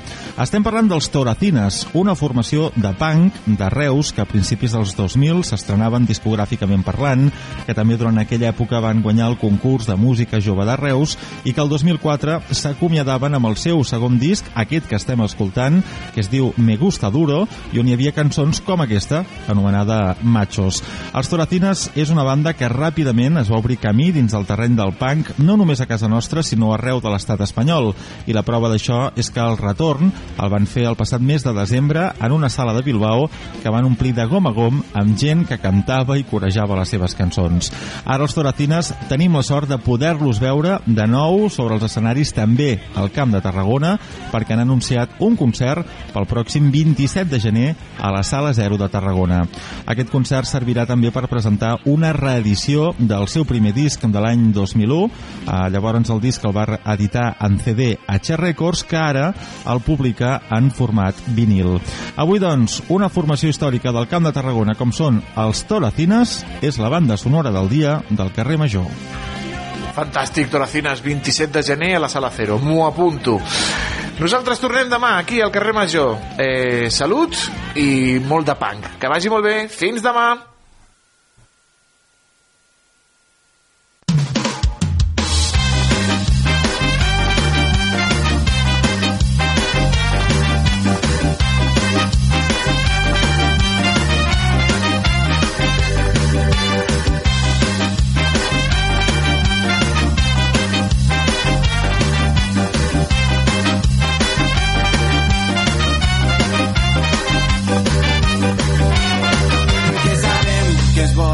Garen curt, que podem, que ens calen la por, la misèria i els murs. Saben que junts no podran parar, no. Intentar fugir dels seus fills, no oblidar-nos que d'aquesta farsa som els fills i anem buscant maneres d'escapar-nos.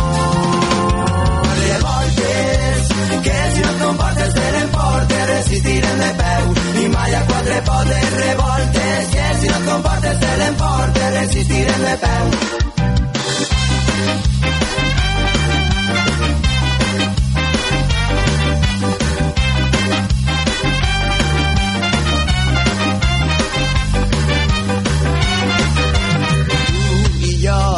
units els dos junts som més forts que morts de porc que banya xenor.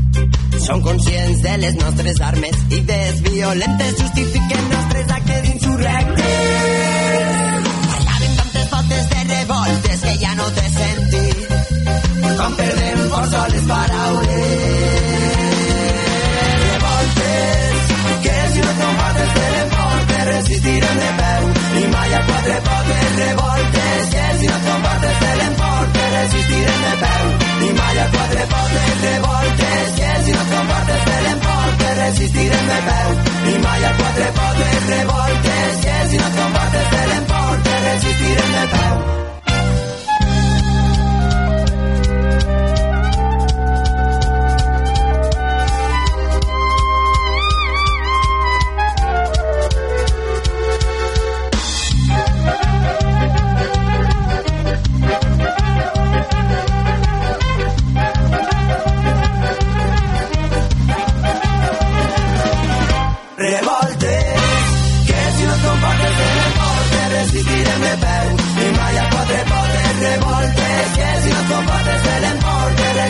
Resistirem de peu i mai a quatre potes revoltes que si no combates te l'emportes resistirem de peu i mai a quatre potes revoltes que si no combates te l'emportes resistirem de peu i mai a quatre